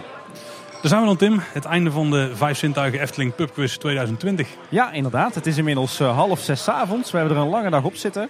Jij wat minder lang dan ik. Ik ben, was hier vanochtend al om half elf voor de viering van 20 jaar Vijf Zintuigen. Jij kwam ietsje later. maar inderdaad, we hebben de pubquiz achter de rug. Ja, was leuk hè? Ja. Ik, ik moet zeggen, Tim, gefeliciteerd. Dankjewel. Niet met de winst, nee. maar wel met een hogere plaats dan wij. Ja, nou het scheelde niet heel veel hè. Nou, jullie waren zesde en wij waren achtste volgens mij. Ja, klopt inderdaad. Net niet uh, de top 5 notering waar we op hadden gehoopt. Nee. Maar op zich best wel met een net puntenaantal. En uh, ja, we hebben ook wel verloren van teams waar je wel van mag verloren. Zo, ja, ja. Er waren wat medewerkers van de Efteling, daar hebben we van verloren. Uh, we hebben verloren van Team Loopings, die doen al jaren mee in de top 3. Ja. We hebben verloren van Plaatjesmakers. We hebben verloren van team waar in zat trouwens. Ja. Dat was natuurlijk de vraag over het Bosrijkse brouwgoed. Ja, wij ook. Want, ja, wij ook, ja. Wat de vraag was daar van de vijf bieren van Efteling, welke heeft het laagste, laagste alcoholpromillage? Nou, die wisten wij toevallig, want die hadden we besproken. Nou ja, volgens mij was de, de top 3. Uh, op 3 stond uh, Team Loopings. Op 2 stond uh, de Plaatjesmakers. En op plek 1 stond Eftepedia, Eftelist. Ja, ja, zeker. Ja. Ik denk ook terechte winnaars. Als je kijkt naar de punten die ze hadden gehaald. Ja, zeker. Heel veel. Die hadden heel veel bij elkaar gesprokkeld. Ja, ja, dat is heel knap. Maar ik heb, ik heb vooral een ontzettend leuke middag gehad eigenlijk. Ja, het was wel heel goed geregeld. Goede gastvrouw ook. Goede gastheren. Er werd netjes opgelet. En Bram heeft er allemaal netjes aan elkaar gepraat. En uh, de vragen waren gewoon heel leuk. Gewoon het meedoen is gewoon echt heel leuk aan die quiz. Ja, inderdaad. Ik heb echt al genoten. Vooral van de, de audiovragen, de vragen, de fotovragen, ook de videovragen. En de vragen waren heel divers. Uh, er zaten zeker vragen tussen die, uh, die de meeste mensen wel wisten. Maar het viel me wel op. Je moet wel echt flink Efteling-liefhebber en Efteling-kenner zijn om een beetje te scoren. Hè? En Efteling-opletter. Je moet echt ja. gewoon op de details letten als je door het park loopt. Je hebt niet zo heel veel aan feitjes. Er was volgens mij maar één vraag die met datums te maken had. Ja, en er zaten ook een paar Puntje, lastige ja. puzzels tussen. Hè? Wat rebussen, eh, inderdaad een, een rekenvraag met ja jaartallen van opening. Eh, het was heel gevarieerd. Gevarieerd eh, qua moeilijkheidsgraad en gevarieerd qua aard van de vragen. Maar ehm, ja, het voelt wel echt goed om dit te doen. Want je, er wordt wel echt een beroep gedaan op je Efteling-kennis en je historische kennis. eh, en een hele leuke spelvorm. En ik denk dat als je kleine boodschap luistert, dat dat best goede voorbereiding is voor de pubquiz. Ja, want er zaten best wel heel ve- veel vragen in, waarvan de antwoorden letterlijk uit kleine boodschapafleveringen denk kwamen. wel een stuk of twintig die je sowieso wat mee kunnen pikken als je naar ons had geluisterd. Ja. Had je wel beter moeten opletten dan ik, want ik wist dat we ze hadden besproken, maar dan wist ik het juiste antwoord niet meer precies. Ik schrok, over, ik schrok overigens wel van mijn eigen fanatisme. Ik ben denk ik eh, de afgelopen 20 jaar nog nooit zo eh, fanatiek geweest eh, bij een spelletje of een wedstrijdje als vanmiddag. Is dit jouw sport? Misschien wel. Nou, niet het pubquizzen, maar het Efteling pubquizzen, daar, eh, dat is wel mijn sport denk ik. Ja, Nou, ik denk dat we kunnen stellen dat het weer een hele toffe middag was. Heel tof evenement. ja heel Ja. leuk om al die Efteling liefhebbers te zien. Ja, dat is sowieso gewoon eh, prima. Want we hebben natuurlijk tussendoor pauzes. Ja, dan loop je een rondje, ga je met iedereen kletsen. Ja. Gewoon heel veel bekende mensen hier. Ja, als je denkt volgend jaar van, ik weet niet zeker of ik nou mee moet doen of niet. Of dat ik wel genoeg kennis heb. Doe gewoon mee. Ik weet zeker dat als je, ook als je niet volle bak punten scoort, dat je het ook gewoon eh, heel leuk gaat vinden hier. Dus ik, vind het echt een aanrader. Als je echt een liefhebber bent, is het gewoon echt een heel tof evenement. Ja, het is gewoon een superleuk evenement. eh, leuk georganiseerd. ehm, echt vermakelijk. En eh, ja, goed, die gasten van, eh, van de Vijf Zintuigen en de vrouwen van de Vijf Zintuigen... die hadden het gewoon echt goed voor elkaar. Dat was gewoon tot in de puntjes toe verzorgd. En eh, niets was aan het, eh, aan het lot overgelaten. Ehm, vanmiddag tijdens de pubquiz, maar ook vanochtend tijdens het evenement voor 20 jaar eh, de Vijf Zintuigen. Absoluut. Ja, Tim, dan gaan we iets doen wat we eigenlijk nog nooit hebben gedaan. Maar we gaan eh, terug naar de studio. Terug naar de studio in Kaatsheuvel. Bam. Oh, daar zijn we al. Ja, nogmaals, zoals je al kon horen. Wij hebben echt een hele toffe dag gehad. Hè? Ja, absoluut. Hele toffe dag. Waar je natuurlijk nu allemaal op zitten te wachten, dat zijn die antwoorden op die vragen. Ja, precies. Want we hopen wel dat jullie allemaal meegespeeld hebben natuurlijk. Ja, eh, zullen we even nog snel doornemen. Dan kun je checken hoe je het hebt gedaan. Eh, vraag 1 was hoeveel runderen eet Hollebolle Gijs in het totaal volgens het vestje dat bij de twee gijzen in het park te lezen is. Dat zijn er vier. Een koe en een kalf, een os en een stier. Zoals die eh, in het rijmpje zitten. Dus als je het rijmpje kende, dan moest je dus ook wel even achterhalen wat dan de runderen waren. Maar inderdaad. Vraag 2. Wat staat op het bordje dat hangt onder de meest linkse klok in de lobby van het Efteling Hotel, die de normale tijd aangeeft? Ja, dat was een beetje een instinker. Maar die was eigenlijk veel simpeler dan de meeste mensen dachten. Namelijk, daar staat gewoon Efteling Hotel op. Dan vraag 3. Dat was een dubbele vraag uit het Suske en Wiske album De Efteling Elfjes. Eh, daar werd een, een grote afbeelding getoond van eh, de neerstortende diamant boven de Efteling. En de vraag die daarbij hoorde was, waar in het park stort de diamant precies neer? En wie bleek uiteindelijk de diamant te zijn? En w- wist jij die, Paul? Ik niet, maar mijn teammaten gelukkig wel. Ja, kijk. eh, want de, de diamant stortte neer op de Indische waterlelies. En de maangodin of de maankoningin bleek uiteindelijk eh, in die diamant te zitten. Of die diamant te zijn. Vraag 4. In de speeltuin Kindervreugde staat de dierenmolen. Een kleine duwmolen met daarin vier dieren waarop je kunt zitten. Welke vier dieren zijn dat? Hadden jullie die, Paul? Wij hadden, eh, ik weet niet of dat die goed is gerekend. We hadden namelijk een eh, leeuw, nee, we hadden een tijger gezegd in plaats van een leeuw volgens mij. Voor de rest hadden we de dieren wel goed. Fout. Of een leeuwin. Dat was het eigenlijk volgens mij, als je het helemaal correct Ja, inderdaad. Nee, het is eh, een geit, een zebra, een leeuwin en een paard. Nou, die wisten we allemaal, alleen we twijfelden over de katachtige. En vraag 5. In de jungle scène van de Pannendroomfilm vlogen twee aapjes aan een liaan. Die zogenaamd twee petjes en een softijsje uit de zaal haalden. Een van de petjes die werd aan Oek de aap gegeven. Welke kleur had die pet? Nou, had je wel eens goed moeten opletten. Dat was een eh, blauwe pet. Ja, die hadden wij fout. Die hadden wij wel goed. Ja. En dan nog niet winnen. Nou, dus eh, zo gaat het een beetje aan toe. Dit zijn natuurlijk de vragen die wij via de podcast kunnen brengen. Er waren best wel veel vragen en die hadden ook eh, een visueel element. Dus dan stond een grote afbeelding op de beamer of er zat zelfs een video bij. Ja, dat was ook een videoronde inderdaad. En je had ook een, een paar opdrachten waarbij je gewoon papier kreeg uitgereikt met daarop wel afbeeldingen. En die moest je dan combineren. Dus, we hebben in ons verslag al een paar opdrachten besproken. Ja, ik heb echt een hele toffe dag gehad. Ik kan het gewoon nogmaals melden. Ja, ja ik ook. Eh, ik was er 's ochtends al. Ik heb 's ochtends het jubileum-event bezocht van eh, 20 jaar de Vijf Zintuigen. Dat was vooral heel veel jeugdherinneringen ophalen uit mijn begintijd als Efteling-liefhebber. Toen je nog lid was van eh, Wonderchat en je het Wondere Wereldweb nog had. Toen had je dus ook de Villa Volta-website van Marvin. eh, de voorloper van de Vijf Zintuigen. Dus dat was leuk om te zien. Lex Lemmers zat ook nog in de zaal. Henk Groene van Europa Park. was een heel leuk, heel leuk evenement. Ja, de pubquiz zelf. Ik eh, vond het zo tof. Echt ontzettend goed geregeld door die gasten van eh, de Vijf Zintuigen en door hun vrouwen. was echt een, eh, een enorm strak in elkaar gezet evenement. Van alle gemakken voorzien. Dat is heel leuk gedaan. Ehm, en ik moet zeggen, ik vond het achteraf toch best wel pittig. Want ik weet dan van vorige interviews dat er wel eens werd gezegd van ja, de vragen zijn, zijn echt allemaal zo moeilijk niet hoor. Het moet voor iedereen toegankelijk zijn. Maar eh, Jeetje, ik schrok er best wel van hoe eh, ongelooflijk veel je van de Efteling moet weten. Wil je echt voor een top 10 notering gaan. Ja, maar het zijn niet echt de dingen die je moet weten van Eftepedia of zo. Hè? Als je Eftepedia van voor tot achter doorneemt, daar heb je wel iets aan. Maar Nee, het is, het is niet inderdaad jaartallen stampen, absoluut niet. Maar eh, ja, ik moet zeggen, ik, eh, ik, ik was ja, achteraf bezien niet heel content met onze zesde plaats. Wat ook wel een aantal punten laten liggen door een aantal domme fouten, moet ik zeggen. Ik baalde er zelf wel vooral van dat ik de muurschildering van Roodkapje niet herkende. En dat ik ook in die instinker was getrapt eh, van eh, waar in de Efteling kan je trouwen. Dat is natuurlijk nergens meer tegenwoordig. Ehm, maar ja, dan waren we nog steeds eh, misschien op de vijfde of de vierde plek terecht gekomen. Dus nee, ja, tegelijkertijd had ik wel het gevoel van ja, ik, we hebben als team wel alles gegeven wat erin zat. En echt heel hard zitten werken daar. Dus ja, het, misschien weten we toch niet zoveel van de Efteling als we af en toe denken. het was echt pittig. Nou, we hadden natuurlijk onszelf al gesplitst. Hè?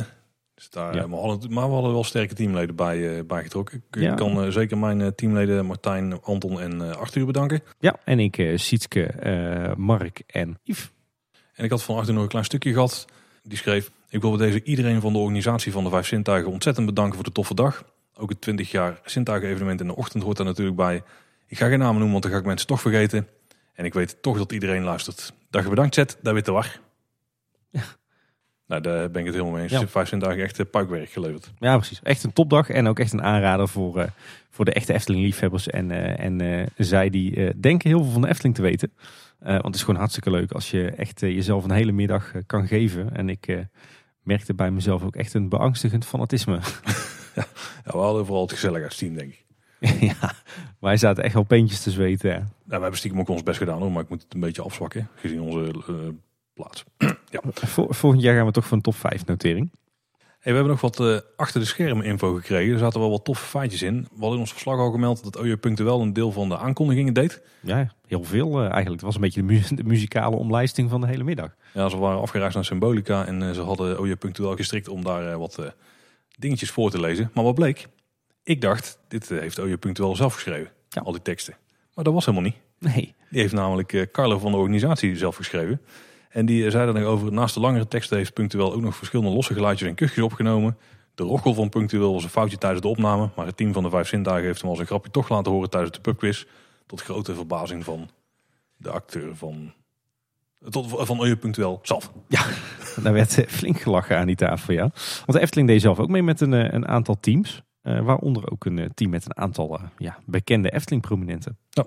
En wat medewerkers van een horecapunt, die herkende jou allemaal Tim. Ja, ik wist meteen het? eh, wie, wie team Grootmoeders Keuken was, ja. Wie was het ook weer met de diëtist? Ja, oké. De voorbereidingen van de pubquiz die zijn al gestart in mei 2019. Dus we zijn er echt bijna negen maanden mee bezig geweest. En de fragmenten van Jelle en Jurgen, want die zaten er ook beide in. Hè? Jelle van Amersfoort en eh, Jurgen Freilich. Die zijn in de zomer van 2019 al opgenomen. Ik moet zeggen, toen die beelden zag, toen kreeg ik de spontaan warm van ja, de omgeving waarin zij stonden. En de temperatuur die daar leek te, te heersen op dat moment. Had je meteen weer het zomergevoel. Ja, precies. Nou ja, vorig jaar zat er natuurlijk ook de kikkertjesvraag in. Hè, de befaamde kikkertjesvraag. Waarin eh, je eigenlijk van tevoren had moeten tellen hoeveel van die eh, kikkersnoepjes dat er op tafel stonden. Deze keer hadden ze spekjes en zoutjes op tafel gezet. Waar, waar je uiteindelijk natuurlijk helemaal niks mee hoefde te doen. Nee, daar ging ik op voor het gemak ook wel van uit als ze daarna niet meer zouden doen.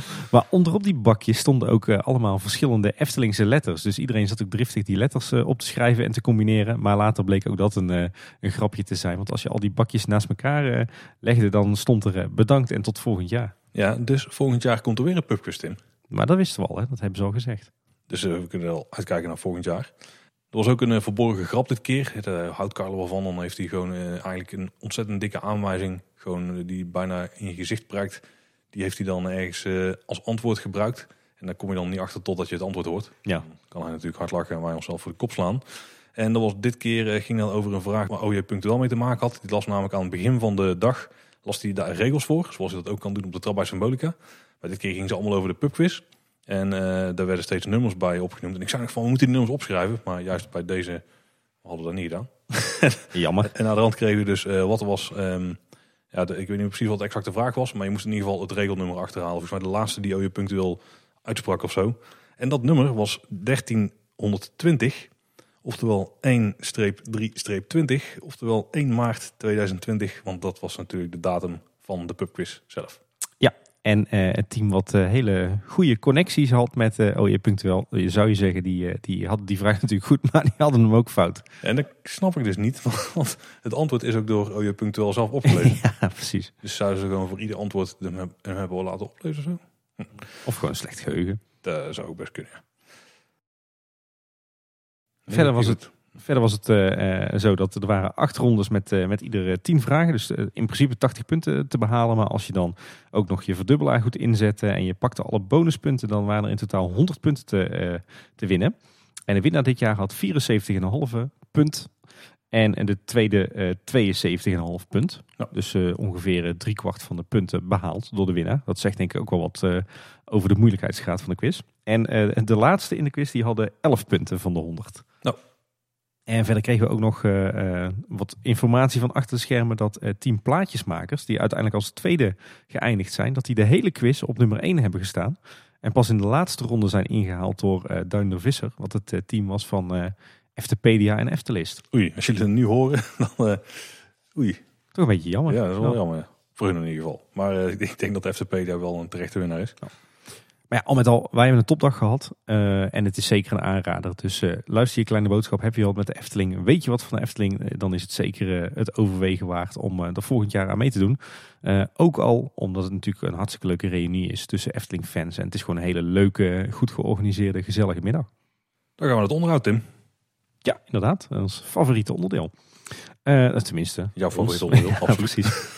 er is ook wat positief nieuws te melden over groen onderhoud. Kijk, kijk, kijk. Uh, we hebben natuurlijk uh, verschillende keren bericht over de kaalslag in het Sprookjesbos. Uh, mm -hmm. In het gebied tussen Kabouterdorp, Langnek en Polleskeuken. en inmiddels is dat aangeplant. En ik ben daar zelf even doorheen gelopen tijdens het middagslaapje van de jongste dochter. Wat door het plantsoen? Nou ja, over het pad. Oh, oké. Okay. Het, het teruggebrachte pad tussen Polleskeuken en, en het Sprookjesbos.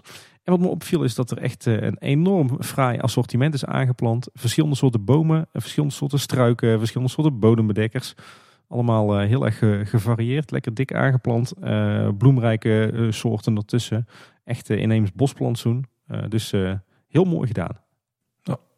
Ik heb het zelfs nog niet gezien, maar ik ben wel benieuwd. Ja, het, is, het, voelt ook al echt groen nou? Of? Ja, absoluut. Okay. Ja, het, het, voelt nog wel een beetje als een, als een aangeplant parkje. Nog niet zozeer als een bos. Maar ik stond erg te kijken van de hoeveelheid groen en bomen en ook vooral diversiteit. Dus daar uh, ja, hebben ze echt leuk gedaan. Geldt overigens ook voor uh, de bomenrij die langs de spoorlijn uh, stond ter hoogte van de speelweide. een hoop oude bomen, die zijn allemaal gekapt recent. En inmiddels zijn al die bomen vervangen en hebben ze eigenlijk iedere keer naast het stammetje van de gevelde boom, hebben ze een nieuwe boom geplant. en dat zijn ook verschillende boomsoorten. Oké. Okay. Hebben ze ook heel leuk gedaan.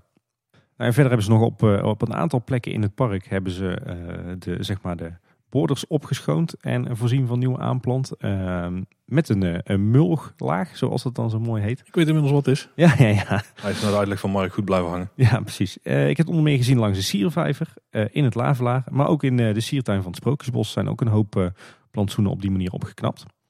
En de geluidswal tussen het busparkeerterrein en de Kinkerpolder, die hebben ze flink gesnoeid. In het Sprookjesbos zijn ook wat mankementjes opgelost. De poort van de nieuwe kleren van de keizer die werkt weer. Hopelijk nu voor een hele lange tijd. Ja. En karakeeltjes weer terug. En die werkt ook wel prima. Hè? Ja, super dat ze dat uh, hebben gemaakt.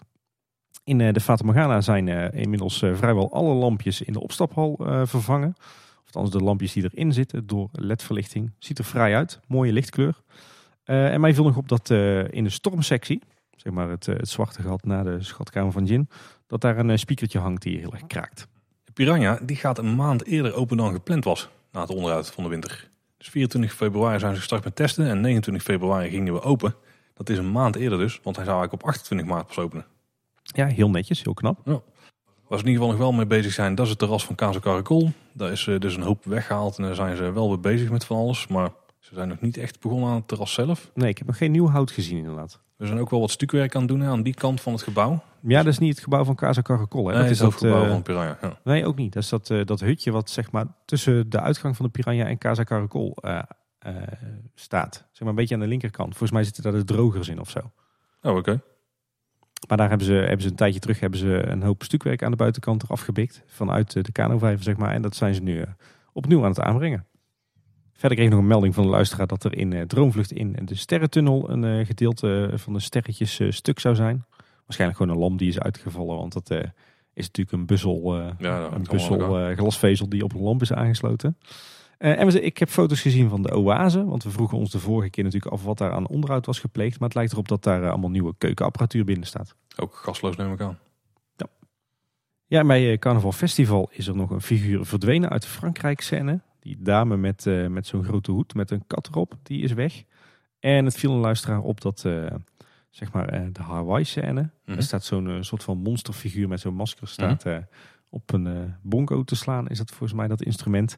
Maar die slaat er nu echt op, wat natuurlijk niet de bedoeling is. Want dan breekt vanzelf een keer die stokjes af. En het matcht niet helemaal met de muziek, denk ik. Of hebben ze Nee. niet wel goed getimed? Nou, denk ik was trouwens wel een leuke carnaval festival vraag ik in de pubquiz. Over welke scènes staat Joki niet in? Of welke landen komt hij niet in voor? Ja, maar ik vond daar de antwoorden vrij discutabel. Ik vond ze perfect, want we hadden mijn kracht goed. Oké. Ik weet niet hoe jij nou meer punten hebt kunnen verdienen dan wij. Ja, precies.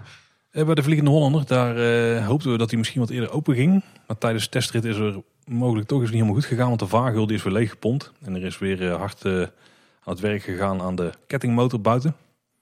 Dan gaan we naar het kort nieuws. Sinds kort kun je op de website van de Efteling vanaf 10 uur 's ochtends zien welke attracties die dag gesloten zijn. Of, of je kunt zien welke attracties er mogelijk later open gaan. Ja, die gebruikt denk ik eh, dezelfde info eh, van die feed die ook in de app zit en die ook eh, bij de, bij de Huis van de Vijf Zintuigen op die borden ziet. Hè? Ja, dat is op zich wel een goede zaak. Ja, het is wel misschien mooi als we dat iets eerder nog zouden kunnen laten zien. Als je s ochtends denkt van ik rij nu naar de Efteling. Ja, inderdaad. Ja, ik denk dat het probleem is dat ze misschien niet eerder invoeren wat de verwachting is voor die Ja, dag. dat met de opstart dan wordt bepaald of dat het wel of niet Ja. gaat. Zit wel in, ja. Er eh, zijn wat plannen om een attractiepark te bouwen in Zeeland. Volgens mij ook met thema Zeeland of zo. Een Chinees bedrijf is daarbij eh, Ja. betrokken. Fanta Wild. Fanta Wild. Ja, ik moest gelijk aan dat drankje denken. Ja, uiteraard. Daar zal onze diëtist er niet blij mee zijn. Nee, inderdaad. Maar wie is er nou bij betrokken? Oud-directeur Bart de Boer. Ja, Die is eigenlijk bezig met de haalbaarheidsstudie die ze daar aan het doen zijn. En die eh, focussen op de criteria waar het park allemaal zou moeten voldoen om succesvol te worden. Dus ja, dat is Ja. nog allemaal een beetje de blue sky periode, denk ik daar. Een beetje Ja, laten vingerwerken. inderdaad. En voor Bart de Boer natuurlijk weer eh, een stukje jaarinkomen. Ja. Waar ik heel erg om moest lachen. Ja, ik moest daar niet mee om lachen. Ik vond het eigenlijk wel een beetje treurig is dat, eh dat eh Reinhard van Assendelft, de oude marketingdirecteur van de Oh. Efteling, die, dat die Bart de Boer een beetje belachelijk maakte. Of eigenlijk de plannen. Toen dacht ik van ja, de pot verwijt de ketel dat hij zwart ziet. Want ook Reinhard van Assendelft is bezig met het promoten van een aantal minder haalbare plannen voor pretparken. Dus een beetje raar dat hij dan lelijk gaat zitten doen tegen Bart de Boer. Hij is bezig met Captain Jack, wat volgens Ja. mij een eh, vlieg... Ja, een, een themapark op basis van de luchtvaart, toch? Ja, dat is het inderdaad. Dus, maar dat is misschien meer een onderwerp voor eh, collega podcast. Ready for take-off Ja, natuurlijk. precies. Maar ja, dan denk ik, ja, goed, beide doen ze een beetje uurtje factuurtje. Dus eh, met, met dit soort projecten en haalbaarheidsstudies. Dus eh, ja, je kan daar wat van vinden, maar eh, ach, laat die mannen ook hun eh, beleg op hun brood verdienen, toch? Ja, en het eh, doen van een haalbaarheidsstudie biedt geen enkele garantie dat het ooit gaat gebeuren.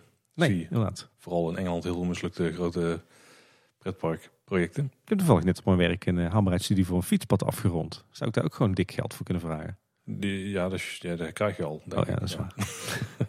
Moet je gewoon ontslag nemen en je laten inhuren, Tim. Oh ja, Dan kan dat. Ja, die collega's heb ik ook inderdaad. Eh dan was er een heel leuk artikel op eh, maartenonline.nl. Dat is de website van eh, Maarten van Rossum, of eigenlijk van het team achter Maarten van Rossum. Negen uitjes uit de tijd dat geluk nog heel gewoon was. En dat waren eigenlijk uitjes die in de jaren 50 al leuk waren, maar nu nog steeds. En er kwamen eigenlijk best wel veel parken voorbij die ik onder mijn thuispark schaar. Het Openluchtmuseum werd genoemd, Madurodam, het Spoorwegmuseum en Ouwehands Dierenpark en natuurlijk de Efteling. Uiteraard, anders zou niet in dit lijstje staan. Hè? Leuk artikel. Op YouTube zijn er wat nieuwe video's verschenen. Vooral in die Joki-serie hebben we een paar eh, nieuwe gezien. We hebben namelijk de Joki muziekclip Hyper de Piep. Ja. En eh Joki filmpje over fietsen. Een filmpje over tuinieren. En eh, ja, volgens mij wordt het aanbod zo steeds completer. van Ja, inderdaad. Er was ook nog een verschrikkelijk filmpje op YouTube verschenen... waar de Efteling in principe helemaal niks mee te maken had. Ja, of een klein beetje wel. Ja. Hoe, eh, hoe- ik denk dat we hier trouwens niet al te veel woorden aan vuil hoeven maken. Want ik denk dat Maurice dat in Team Talk al perfect heeft gedaan. Ja, heel, heel kort dan. Eh, drie eh, van die nozems van Stuk TV, van die YouTubers, die liepen schijnbaar van de week in de Efteling. Verkleed als foeilelijke mascottes. En gingen ze bezoekers lastigvallen, achtervolgen, laten schrikken. uit effectbejag om er een leuk YouTube filmpje van te maken. Natuurlijk verschrikkelijk. Maar wat bleek, de Efteling die had daar toestemming voor gegeven. Ja. Die, die werkte daaraan mee. Ik vind dat een vreemde keuze inderdaad. Ja, ik snap het wel een beetje, want dan komen ze toch wel. En dan gaan ze toch wel iets doen. Maar ja, dan stuur je de beveiliging erop af en dan is het ook geregeld, toch? Ja, nou ja, inderdaad. Ik kan me voorstellen dat je zegt van, joh, als we het niet kunnen voorkomen, dan moeten we het maar faciliteren. Want je kunt het een beetje in eigen hand houden. Uh, nou ja, in dat geval had ik er ook niks op tegen gehad. Als ze bijvoorbeeld echt gewoon uh, netjes verkleed waren in stijl. En dat ze mensen niet lastig zouden vallen. Maar echt meewerking verlenen aan, aan zoiets verschrikkelijks als dit. Ik kan me niet voorstellen. Dan had ik gezegd, weet je wat, uh, heren Stuk TV, kom op gesprek. Jullie mogen best wel meer in ons park. Maar dan hebben jullie wel te houden aan deze regels. En doe je dat niet, dan is het gewoon met pek en veer het park uit. Dus ja, in dit geval had ik als Efteling zijnde hier toch echt wel de lijn getrokken en gezegd van het is of uh, passend binnen ons beleid en volgens onze voorwaarden. En als je het daar niet aan houdt, dan gebeurt het gewoon niet. Dan maar geen vrienden. En dan inderdaad maar misschien een keer op het moment dat ze het dan toch doen, gewoon keihard de beveiliging erop en het park uit. Hebben ze ook een leuk filmpje. Is ook leuk, ja. nee, dit, hier begreep ik helemaal niks van. Maar wat jij zei, Maurice, die heeft dat al aardig onder woorden weten te brengen. Ja, ik denk dat wij daar wel redelijk achter staan. Oh. Dan vacatures, Tim. Ja, er waren er weer een, een hoop. Ze zoeken onder andere bij de Efteling een floor manager horeca voor de hotels en resorts. Een floor manager theater en evenementen. Uh, een kok, verschillende keukenmedewerkers. Een medewerker voor de entree. Uh, er staan nog steeds heel veel vacatures open voor horeca-medewerkers. En een heleboel leuke stages voor het komende, komende jaar. Uh, onder meer op de afdeling groen. Bij Finance en Control. Een productieassistent theater en evenementen. Projectmanagement hotels en resorts accountmanager evenementen en video edit. Dus denk ik stuk voor stuk hele leuke stages als je ja, in die sectoren werkt. Ik kreeg laatst ook een vraag van een luisteraar van die wilde volgens mij gaan afstuderen bij de Efteling. En of mhm. daar wij nog tips voor hadden. We hebben er wel iets al van nagevraagd en het blijkt dat de Efteling heel weinig met afstudeerders doet. Er zijn er volgens mij is er maar een enkeling per afdeling of zo. Ja. Uh, per jaar. Dus, dus die kans dat je daar terecht komt is niet zo groot. Dus dan moet je denk ik gewoon heel goed voor de dag komen, een goed verhaal hebben en dan uh, maak je kans. Maar meelopen stages die zijn al heel veel. Hè? Ja, die zijn er enorm veel. En eh, als je daar interesse in hebt, eh, gewoon naar efteling.com slash vacatures gaan. Daar staan ze gewoon allemaal en dan kan je via die website op reageren. Uh, Baron 1898, die stond er op een van de Blue Loop lijstjes. Uh, volgens mij was die weer door Lenshard gemaakt van, van die verschrikkelijke gele site. Die wel altijd goede geruchten heeft. Screamscape. Oh ja. Sander was het ook opgevallen. Sander de Bruin. En die had het op LinkedIn nogmaals gedeeld. Volgens mij maken we echt een hele berg van die lijstjes. Volgens mij hebben ze nu ja. weer de best gethematiseerde attracties die nog moeten uitkomen in 2020 of zo. Dus. Ja, ja dit, dit keer was het uh, de 14 best themed rollercoasters. Ja, het is weer. Uh, ja. Maar eigenlijk waren het gewoon alle gethematiseerde achtbanen van de afgelopen vijf jaar. En die stonden in het lijstje. Dat is eigenlijk een beetje hetzelfde als de vorige keer met de beste dark rides van, het af, van de afgelopen tien jaar. Dat waren ze gewoon bijna allemaal. Ja, Avalon zat er niet tussen trouwens, Tim. Maar niet allemaal. Alle grote. Ja. Merlin's Quest bedoel jij? Oh, zo ja, Merlin's Quest. Dat is niet het Overland podcast gelukkig. nee, precies. Heb je die? Eén aflevering van Details, hè? Oh ja, dat is waar. Uh, Loopings had een uh, Twitter-poll geplaatst. Dat was, uh, vond ik uiteraard een hele goede uitslag. de vraag was namelijk, wat vind je van algemeen rookverbod in de Efteling? Nou, er waren flink wat stemmers, meer dan duizend. En 81,5% die vond een algemeen rookverbod in de Efteling een prima idee. Ja, nou, count me in. zeker. En eigenlijk het meest interessante nog was de reactie van de Efteling daarop. Ook weer goed dat ze daar dan weer zo proactief op reageren. En eh, de Efteling schreef, toevallig onderzoeken wij momenteel of wij ons rookbeleid willen aanscherpen. En zo ja, op welke manier dan? We overwegen hierbij diverse opties. We moeten natuurlijk goed afwegen wat onze gasten van ons vragen. Het aanpassen van het beleid moet zeer wel overwogen gebeuren, want het heeft stiekem heel wat voet in de aarde. Hm. Nou, volgens mij kun je het gewoon aankondigen. Ja. En rookplekken aanwijzen, dan ben je heel het. En maar mensen zich eraan laten houden. Ja, ik denk dat we wel die kant op gaan, hoor, langzaam maar zeker. Uiteindelijk gaat er gegarandeerd gebeuren. Ik denk dat de vraag vooral, dat het vooral een kwestie is van tijd. Ja. En in de Efteling zijn toch uh, genoeg dooie, lelijke hoekjes waar je een rookplek van kan maken. Hendig, hendig. Het hele kleuterhof. ik weet niet of dat nou zo'n perfecte plek is voor een rookplek, maar goed. Dat uh, hek omheen staat er al. Dan, ja. Um, we kregen nog een tip van Slimme Toon. En doe, doe je mee wat je wil. De Efteling die sponsort de Voice Kids in Wallonië. Ja, ja, hij zegt wel Frankrijk, maar ik heb uh, het uh, YouTube-filmpje uh, bekeken en volgens mij is het toch echt België, dus het zal Wallonië zijn dan. Want ze sponsoren ook de Voice Kids in Nederland hè, met een opname. Ja, heel dus. Um, ook daar weer te kijken. Dus dat een filmpje in de show notes, dus check die even als je er iets van wil weten. Ja. Verder werden we nog op attent gemaakt dat op 19 april de 125ste geboortedag van Anton Pieck is. Zo, ik kan zeggen die is al oud, maar ja. helaas niet. Die doet het niet meer. Nee. Ja, daar moeten we misschien wel iets mee gaan doen, hè? Ja, we zijn eh, stiekem eh, achter de schermen bezig om te kijken of we daar iets mee kunnen. Nou, dit kun je in je kalender zetten, kijken of dat het is gelukt of niet.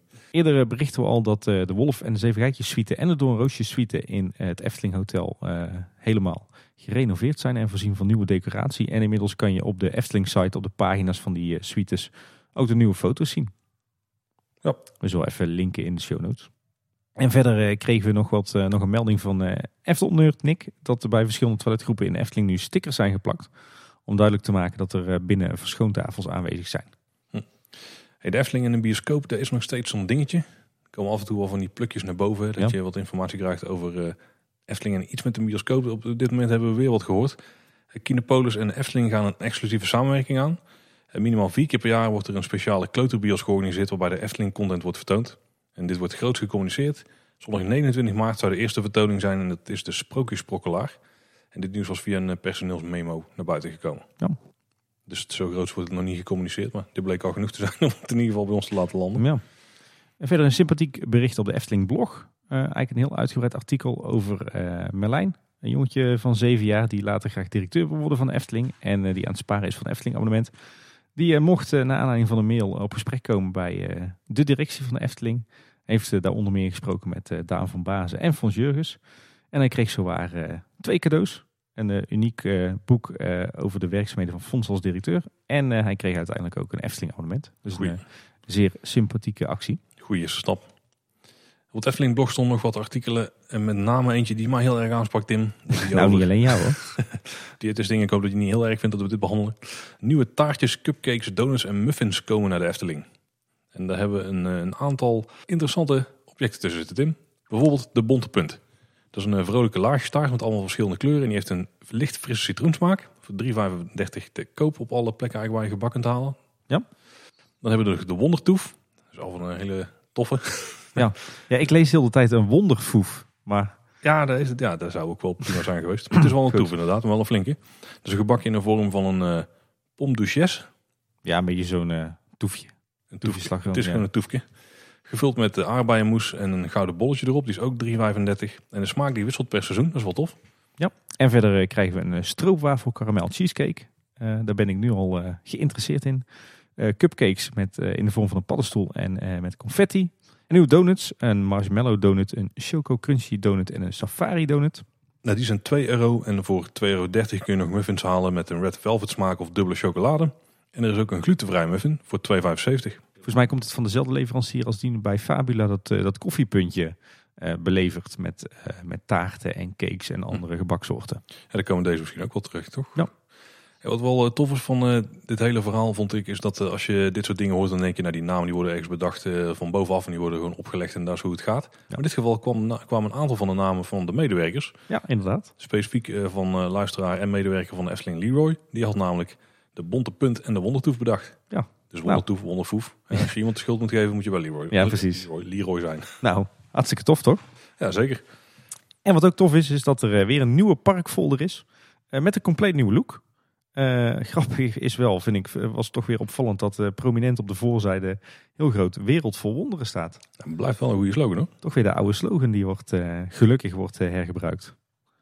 En er staat ook een foto op van, het, van een meisje. Eh, en die hebben we eerder gezien, namelijk in de aankondiging van de nieuwe reclamecampagne die in februari zou starten. Hm. Staat nu dus wel op de folder, maar ik heb nog geen campagne gezien. En die folder is net van maart, hè? Ja. dus ook daar hebben ze niet gehad. Als ze dat al bedoelden hiermee. Maar ik neem Ja. aan dat het een video zou zijn. Ja, lijkt me wel. De- waarschijnlijk op tv, denk ik dan. Maar. En ja, verder goed weer de gebruikelijke aan elkaar geknutselde fotocollages. En natuurlijk volop aandacht van Max en Moritz. En wel goed om te zien dat, eh, dat de folder eh, viertalig is. Hey, Ik kreeg van de week een briefje binnen van een gemeente. Eh, die ging over de WOZ-waarde. Die moest Mhm. nog afgetikt worden. het percentage waar erover betaald is eh, flink verhoogd. Ja, inderdaad. Ik geloof dat we een van de duurste gemeentes van Nederland zijn geworden ineens. Volgens mij las ik ergens 40% erbovenop gegooid of zo in een Ja, jaar. klopt. Ja, je moet de begrotingstekort van de gemeente toch ergens mee vullen. Ja. Het, het, het grappige of het trieste, nou ja goed, ik eh, vond het vrij treurig, is dat het meteen weer de nodige woede oproept in de Kaatsheuvelse bevolking. En zo stond er in de Duinkoerier, ons plaatselijk suffertje, meteen weer een boze brief van een bewoner. eh, over dat de, de gemeente de Efteling al jarenlang veel te veel in de watten legt. En dat over de rug van de inwoners, die eh, nu dus weer extra moeten betalen. Hm, Ja. Ik heb de brief gelezen, gedacht, er stond niet echt heel veel eh steekhoudends in. Nee, ik heb hem eh, maar niet helemaal gelezen. En dan nog dit, Tim. We hebben een tijdje geleden een aflevering gemaakt over eh, de Efteling bieren. Ik moet zeggen dat die aflevering mij ook heel goed uitkwam achteraf bij de Efteling Pubquiz. Daar was ook weer een vraag over, hè? Ja, want dat was een vraag over die wij toen daar ter plekke hebben zitten bespreken. Dat was namelijk wat is het laagste alcoholpercentage van een biertje, wat in de Efteling, eh, van een Efteling eigen biertje, zeg maar. En dat was de Bosrijkse Brouw. Ja, dat had ik eh, door die aflevering onthouden, gelukkig. Oeh, dat, was weer, dat kwam weer helemaal goed. Ehm, de, daar zat natuurlijk eh, Boukje bij, onze bierexpert, biersommelier. En eh, die heeft een artikel op bierdame.com gezet over brouwerij Opener. Dat is de brouwer van onder andere het Hotel de Bottle biertje. En ja, dat is best wel interessant. Krijg je een kijkje achter de schermen. En ja, er wordt wel gehint aan wat dingen die in de toekomst nog gaan komen. Maar daar waait ze niet heel erg over uit. Maar als je een beetje wil weten hoe gaat er nou aan toe zo'n zo'n biertje brouwen. Dan, en ook waar komt trouwens het etiket vandaan. En wat betekent het etiket. Want er zit ook nog wel een idee achter en zo. Ja. Check even het artikeltje. Heel interessant. Die Ja, staat in de show notes. En wat mij ook opviel, Tim. Als we ooit gaan stoppen met kleine boodschap. Ik Ja. heb geen idee wanneer dat gaat zijn. Maar over, eh, nou, het kan zelfs tientallen jaren zijn. Ja, Onze opvolger die staat er klaar hè. ja inderdaad. Nout Heijman. Ja, die heeft de Efteling podcast. Er staat een linkje in de show notes. En heeft al een eh, paar afleveringen gemaakt. Duren niet zo lang als die van ons. Nee, iets korter zijn ze. Maar hij heeft er wel aandacht voor hè. Ja, inderdaad. Ik vind, moet zeggen, ik eh, vind, ze, het vind het een enorm vertederende podcast. Ik heb er met plezier naar zitten luisteren. Want ik denk dat het unique selling point wel is ten opzichte van ons. Dat eh Nout een eh, stukje jonger is. Ja, aardig. Een stuk jonger. Ja. Ja, een stukje. Maar het is, ik vind het nu al een goede opvolger van ons. We kunnen met een gerust hart met pensioen naar de 200ste. Nou, de twee ondstal. nou, dat is misschien wat te snel, ja. Ehm, het grote kleine boodschap luisteraarsonderzoek is afgerond. We hebben daar wat conclusies uit kunnen trekken. En we hebben meer dan 600 reacties uiteindelijk gehad. Dus eh, heel erg bedankt. Want zeker voor alle uitgebreide open antwoorden. We zijn nog steeds bezig met het doornemen daarvan. Ja, het is een hele klus, maar we, we gaan het zeker allemaal lezen. Echt, eh, trouwens, echt een enorme respons. Ik doe wel eens dit soort enquêtes als ik eh, wijken ga verbouwen of herinrichten. En dan krijg ik zo vaak maar eh, 100, 200 eh, reacties terug. Maar nu in één keer bij ons eh, 611 mensen die hebben gereageerd. En niet alleen daar. Ik heb Google Forms ook meegesloopt. Want ik wou een export maken, gewoon een pdfje van de uitslag. Alleen dat bleek bijna 3000 pagina's te zijn. en dat trok eh, de pdf-klusser in eh, Google Forms niet. Ja. Dus Gelukkig. die eh, is omgevallen. Gelukkig kunnen we het ook online lezen. En ik moet zeggen, met name al die, die antwoorden op de open vragen zijn echt ontzettend tof om te lezen. En dank jullie wel. Ja, een paar dingen die wel interessant waren om te melden, denk ik. Dat de 73% zich ziet als Efteling-liefhebber, 43% als Efteling-fan, 47% is abonnementhouder, 72% is liefhebber van pret- en themaparken en slechts 13% liefhebber van dierentuinen. Op zich niet zo heel gek in dit gezelschap. Ja. En als je denkt, waarom komen die dingen niet tot 100? eh, je kon daar meerdere antwoorden geven. Eh, verder hebben we ook nog gevraagd naar de leeftijd van onze luisteraars. En het viel op dat maar liefst 70% van onze luisteraars tussen de 16 en 35 jaar oud is. Eh 7% van de luisteraars is jonger dan 16. 20% tussen de 36 en 45. En 5% is ouder dan 45. En ook wel interessant, hoe vaak kom je nou in de Efteling? Nou blijkt dus dat 6% van onze luisteraars minder dan één keer in de Efteling komt. Per jaar inderdaad, dat is goed. 45% die komt tussen de 1 en 5 keer per jaar naar de Efteling. 20% komt tussen de 6 en 15 keer per jaar naar de Efteling. En bijna 30% nog vaker. En 6% daarvan zelfs meer dan 50 keer per jaar. Daar zitten wij in, denk ik, in die categorie. Ja, zeker. En ruim 50% van onze luisteraars was de afgelopen maand nog in de Efteling. Wat ik wel heel tof vond, is dat, eh, dat dus blijkbaar door het luisteren van Kleine Boodschap mensen vaker naar de Efteling gaan. Want 30% van de luisteraars die gaat dus vaker naar het park sinds dat ze ons luisteren. En 16% wat minder vaak. Die horen natuurlijk als hier, dus hoeven het zelfs niet meer te checken. Ja, precies. Inderdaad. Maar eh, meer, een groter deel gaat dus vaker dan dat een groter deel minder gaat. Ook leuk was om, eh, eh, we hebben ook gevraagd naar jullie luistergedrag. Het viel op dat eh, maar liefst 80% Kleine Boodschap luistert via een podcast-app. 12% via de website en 10% via Spotify. En wanneer luisteren jullie dan? Nou, 71% luistert tijdens het reizen. 40% tijdens klusjes. 25% gaat er echt voor zitten. En 10% luistert tijdens het sporten. En het leuke is ook dat bijna 70% van onze luisteraars aangeeft wel eens met anderen te praten over wat er in onze afleveringen zit. Ja, wat ik ook heel tof vond om te, te zien in het onderzoek is dat eh, niet alleen wij goed worden beluisterd, Tim. Maar 73% van onze luisteraars die luistert ook naar Teen Talk. Ja. 56% ook naar Ochtend en Pretparkland. 45% ook naar Details. 33% ook naar de buitenwereld. Dat is nog best wel veel eigenlijk. Ons eh, hobbyprojectje. Ja. hè? 27% naar Afterpark Lounge, 12% naar Zoo Site, 10% naar Pretparkpraatjes. En ik bedacht me hier naar de rand dat wij Loopings niet apart in het lijstje hadden gezet, maar dat die wel heel vaak nog los was vernoemd. Ja, precies. Die is echt in, eh, op 28 verschillende manieren geschreven. Dus die kregen we allemaal als losse, losse meldingen binnen. Ja? Dus ik heb er niet opgeteld, maar ik neem aan dat hij ook nog wel een aanzienlijk deel eh, innam van, eh, de luisteraars. Ja. En we hebben jullie ook nog om een, eh, tot slot ook nog om een punt gevraagd. Geef ons eens een cijfer. En het gemiddelde eindcijfer wat we uiteindelijk gekregen hebben is een 8,4. Oeh, dat is nog geen 9 plus, Tim. Geen 9 plus ervaring. Maar en ik, ik eh, ben er best wel content mee. En nog even een nieuwtje, Bob, nog even een nieuwtje hier eh, uit de buurt. Eh, we hebben namelijk eh, nog een, er komt weer een nieuwe ja, recreatie, er komt weer een nieuwe verblijfsaccommodatieplek aan. hebben we al een keer genoemd. Droomgaard, is, Droomgaard wordt op dit moment omgebouwd naar Europarks Resort Kaatsheuvel. Echt een zeer inspiratieloze naam overigens. En ze hebben, ik zag het net toen ik hier naartoe reed, hun, hun, zeg maar, hun entreepoort is eigenlijk een soort geveltje van houten platen waar ze dan vervolgens met stickerfolie een soort van nep kasteelpoort opgeplakt hebben. Ja, er zit er nog, ja, maar dat is, is er niet een tijdelijke? Is echt Ja, een- dat is tijdelijk inderdaad, maar het ziet er een beetje... eh, Nou ja, eh, die omschrijving ligt niet heel ver van hoe ze ook eh, de gebouwen daar hebben gethematiseerd. Want ook dat zijn een soort kastelen geworden met torentjes en, eh, en, kantelen volgens mij ook Ja. Maar het zijn allemaal gewoon houten platen waar ze volgens eh, stickerfolie op geplakt hebben. Redelijk plat inderdaad. Ja. Ze proberen wel een beetje mee te liften op de sprookjesachtige van de Efteling, denk ik. Ja, lijkt me wel. Maar mocht je het even hebben gemist, Droomgaard is dus die afgetrapte camping die hier eh, in de buurt lag. Waar ze dus eh, een hoop arbeidsmigranten ook bijvoorbeeld op huisvesten. eh, waar ze al heel lang niks meer aan onderhoud hadden gedaan. Volgens mij met het idee van we gaan dit ooit een keer verkopen. En daar is het nu zo- van gekomen. Ja, zo geschieden. Eh, wat interessant is, is dat er hier in de buurt ook nog ooit Camping Duinest zat. Dat is nu Landel Kaatsheuvel geworden. Eh, die familie die daar eh alles uitbaten, dat is nogal een ondernemende familie. Die heeft bijvoorbeeld restaurant Grillig. En die hebben dus nu ook eh, het horeca in het hoofdgebouw onder hun hoede genomen. Dus daar komt ook een groot restaurant. Volgens mij komen er zelfs twee horecagelegenheden. Zo. Zal ook wel een frietent komen, of dat zal wel de tweede zijn. Er komt ook een indoor speelruimte voor kleine kinderen en een gameruimte voor de oudere jeugd. Die heb ik nog niet heel vaak gezien. De landscaping die bestaat uit duinen en laanbeplanting. Eh, het komt een beetje een sfeer van een gezellig dorpsplein. Maar nou, dat is dan wel een beetje een houten platen dorpsplein. of zo. Ik weet niet hoe ze dat precies zien. Ik moet het ook al een keer eh, goed gaan bekijken van dichtbij. Hoor. En wat ook opviel is dat kamperen verleden tijd is. Want er waren 300 campingplaatsen, maar die zijn gewoon echt footsie. Er komen alleen maar chalets voor terug. Wel een beetje, niet de klassieke vierkante blok chalets, wel de iets meer inspirerende chalets, voor zover ze dat kunnen zijn. Maar waar moet je nou straks, als je naar de Efteling gaat, in vredesnaam kamperen? Ja, ik denk dat de Efteling zelf maar met de kamperen Ja, dat is nu al echt nood aan. Ja. Ja. want we hebben de Berenshoef dus ook gesloten. Waar zet je je tentje neer? Toch op eh Knobbelveld. Nee, er zit veel asfalt tegenwoordig. Ja. Je kunt er misschien slapen onder de carport eh, met de zonnepanelen. Dat is op zich wel een hiaat natuurlijk. Dat, eh, dat mist de Efteling dan wel echt. Dus eh, nog wat, eh, wat nieuws uit de buurt. Ik denk dat we daar ooit wel een keer even moeten gaan kijken als het klaar is. Een beetje de veerproef en dan eh, rapporteren we weer terug. Of dat daar een mooie optie is om te verblijven als je hier in de buurt wil blijven. Want ik denk dat die qua... dat die een beetje rond het Loons van Land gaat zitten qua kosten. Ja, ik hoop alleen wel dat ze een iets in- inspirerendere woordvoerder hebben dan Park Kaatsheuvel. Ja, ik vind de naam echt super slecht.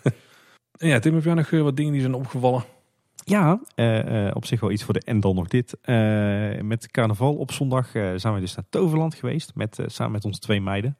was echt een enorm natte, stormachtige dag. Dus wij dachten, nou laten we dan naar Toverland gaan. Want dan hebben we in ieder geval de hallen. En we hebben eigenlijk een, ja, een ontzettend leuke dag gehad in Toverland. Een hele andere ervaring dan, dan het jaar daarvoor. Toen waren we naar Toverland gegaan. Toen was Anne zwanger. En de oudste die was nog onder de 90 centimeter. Nu is ze groter dan 90 centimeter. En dan ging de wereld voor ons open. Want we hebben, het was sowieso ontzettend rustig natuurlijk vanwege carnaval en vanwege het slechte weer. En we hebben de hele dag rondgehangen in, eh, in de twee hallen.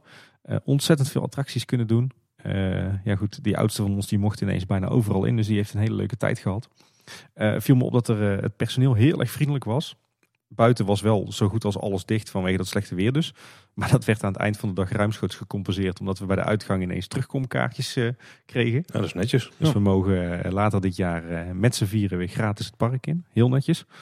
Uiteindelijk wel nog even naar buiten gegaan door het, het regenweer. En bij de Flaming Feather gegeten. Die was, daar zaten we nagenoeg als enige. Ook heel erg lekker gegeten met die nieuwe kaart. Ook heel erg leuke gesprekken gehad met personeel daar. Als verder daar alles dicht in dat gebied. Vrijwel alles, ja. Dat is best een tak en het lopen, stiekem. Ja. Achter. Ja. Zeker eh, door de gutsende regen. Ja. Maar het was het waard, want eh, de Flaming Feather is echt een toprestaurant. Leuke beleving. En eh, ja, gewoon een hele toffe dag gehad. En ja, positief verrast over Toverland toch wel. Nou, goed om te horen. Ja. En ik moet zeggen, wij liepen dan uiteindelijk zo s'avonds bij zonsondergang terug naar de auto. Het park was vrij al verlaten. Eh, en dan loop je zo door dat Port Laguna. En dan zie je toch dat het eigenlijk wel een ontzettend goed eh, ontworpen entreegebied is eigenlijk. Misschien qua, qua kleurengebruik en, eh en vormentaal niet helemaal mijn smaak. Maar qua opzet en qua voorzieningen en hoe ze dat hebben gedaan, ruimtelijk en landschappelijk, zit dat echt heel goed in elkaar. Ja, je kunt in de toekomst, als we daar nog verder gaan uitbreiden, ook linksom die, eh, ja, de, de, de plas heen. Ik weet niet hoe je het mag noemen. En dan kun je daar ook nog een ander gebied in lopen. Ik denk dat het dan nog logischer Ja. is. Dus ja, we hadden eigenlijk een, eh, een eh, boven verwachting eh, leuke dag in Toverland. En ik denk als ik moet zeggen van joh, wat is nou, wat is, staat je het meeste bij, dan is het wel hoe extreem vriendelijk eh, het personeel was. Echt tof. Ja. Ja, binnenkort eh, komt natuurlijk onze aflevering van de buitenwereld uit, eh, waarin we terugblikken op onze vakanties dit, eh, dit voorjaar. Maar we hebben inmiddels eh, eh, ook nog een, een kort vakantietje gepland eh, in mei. We gaan eh, vier dagen naar Paradise. Daar ben je al vaker geweest, hè? Ja, daar zijn we wel vaker geweest. eh, maar telkens eh, dan iedere keer maar één dag. En eh, toen hadden we nog geen kinderen. Wat mij betreft de mooiste dierentuin en misschien wel het mooiste themapark van, van Europa. En nu gaan we dus een keer met de kids. Dus nemen we er lekker de tijd voor. We gaan vier dagen in totaal. Eh, eerst gekeken om eh, in de verblijfsaccommodatie van uh, Paradise zelf te gaan zitten op het park. Ik denk ik wel weten waarom je dat niet bent gaan doen. Maar dat is echt verbijsterend duur. Ja, dat is echt heel duur, ja. Dus uiteindelijk zitten we via Airbnb ergens in een nabijgelegen dorp. Is daar een weekendje of zo gezegd eh, 800 euro of zo? Grapjas. 1200? Ja joh. Nee, oké. en, dat- ik en dacht, dan begint het pas. ik had het in mijn hoofd zitten. Ik denk, dat kan het niet zijn. Het zal 800 zijn. Nee, nee, het is echt, het begint bij 12, 1300 euro. Zo. Dan wordt wel gezegd van ja, maar dan heb je een luxe kamer en een luxe diner en een luxe ontbijt en een luxe lunch. Ja goed, dat is leuk, maar als gezin met kinderen haal je dat geld er toch niet uit. Dus we zitten bij Airbnb. Hm. Eh, ik wil ook nog eventjes twee mensen bedanken. Mark Dekkers, bekend natuurlijk van eh, de kookspecial van Details en van eh, Ready for Takeoff. Daar kreeg ik een paar mooie posters van, van Sprookjesboom musicals voor de verzameling. En eh Sander Roeling, de videoman van de Vijf Zintuigen, die heeft voor mij weten te fixen dat ik uiteindelijk toch nog een eh, lijst met eh, zo'n Panadroom filmrol eh, heb weten te bemachtigen. Dus mannen, alle twee echt enorm bedankt. En jij had het net over mijn optreden in Zoo Insight in aflevering 73. Maar aflevering 72 van Zoo Insight is ook best interessant. Een interview met Hans Post. Eh, die zat, eh, heeft heel lang in het masterplanteam van Diergaarde Blijdorp gezeten. En dus de broer van Pieter natuurlijk. Ja. en eh, bleek dat Blijdorp in het verleden plannen heeft gehad om een dark ride te bouwen. Een boottocht langs prehistorische dieren en dino's. Geïnspireerd op onze Fata Morgana. Dat vond ik wel leuk ja. om, te, om te horen.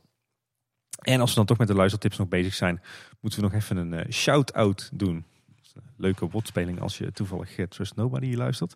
Maar naar eh Dingedong, de podcast eh, over het Eurovisie Songfestival. Die hadden namelijk ook een eh, shout-out naar ons gedaan eh, over het feit dat ze hun, hun aflevering waarin ze verslag doen van de loting van het Eurovisie Songfestival, dat ze die geïnspireerd hadden op onze Fabula aflevering. Dus heb je wat met het Eurovisie Songfestival, ga zeker eens naar eh, Dingedong luisteren. Ik heb me aan één aflevering gewaagd, maar ik moet toegeven dat ik er toch net niet genoeg van hou om ze vast te gaan volgen. te zitten. Ja. En dankzij, dankzij Maurice van Team Talk weet ik nu dat eh, ook Radio Bergen eigenlijk nog steeds bestaat. Maar dan als podcast.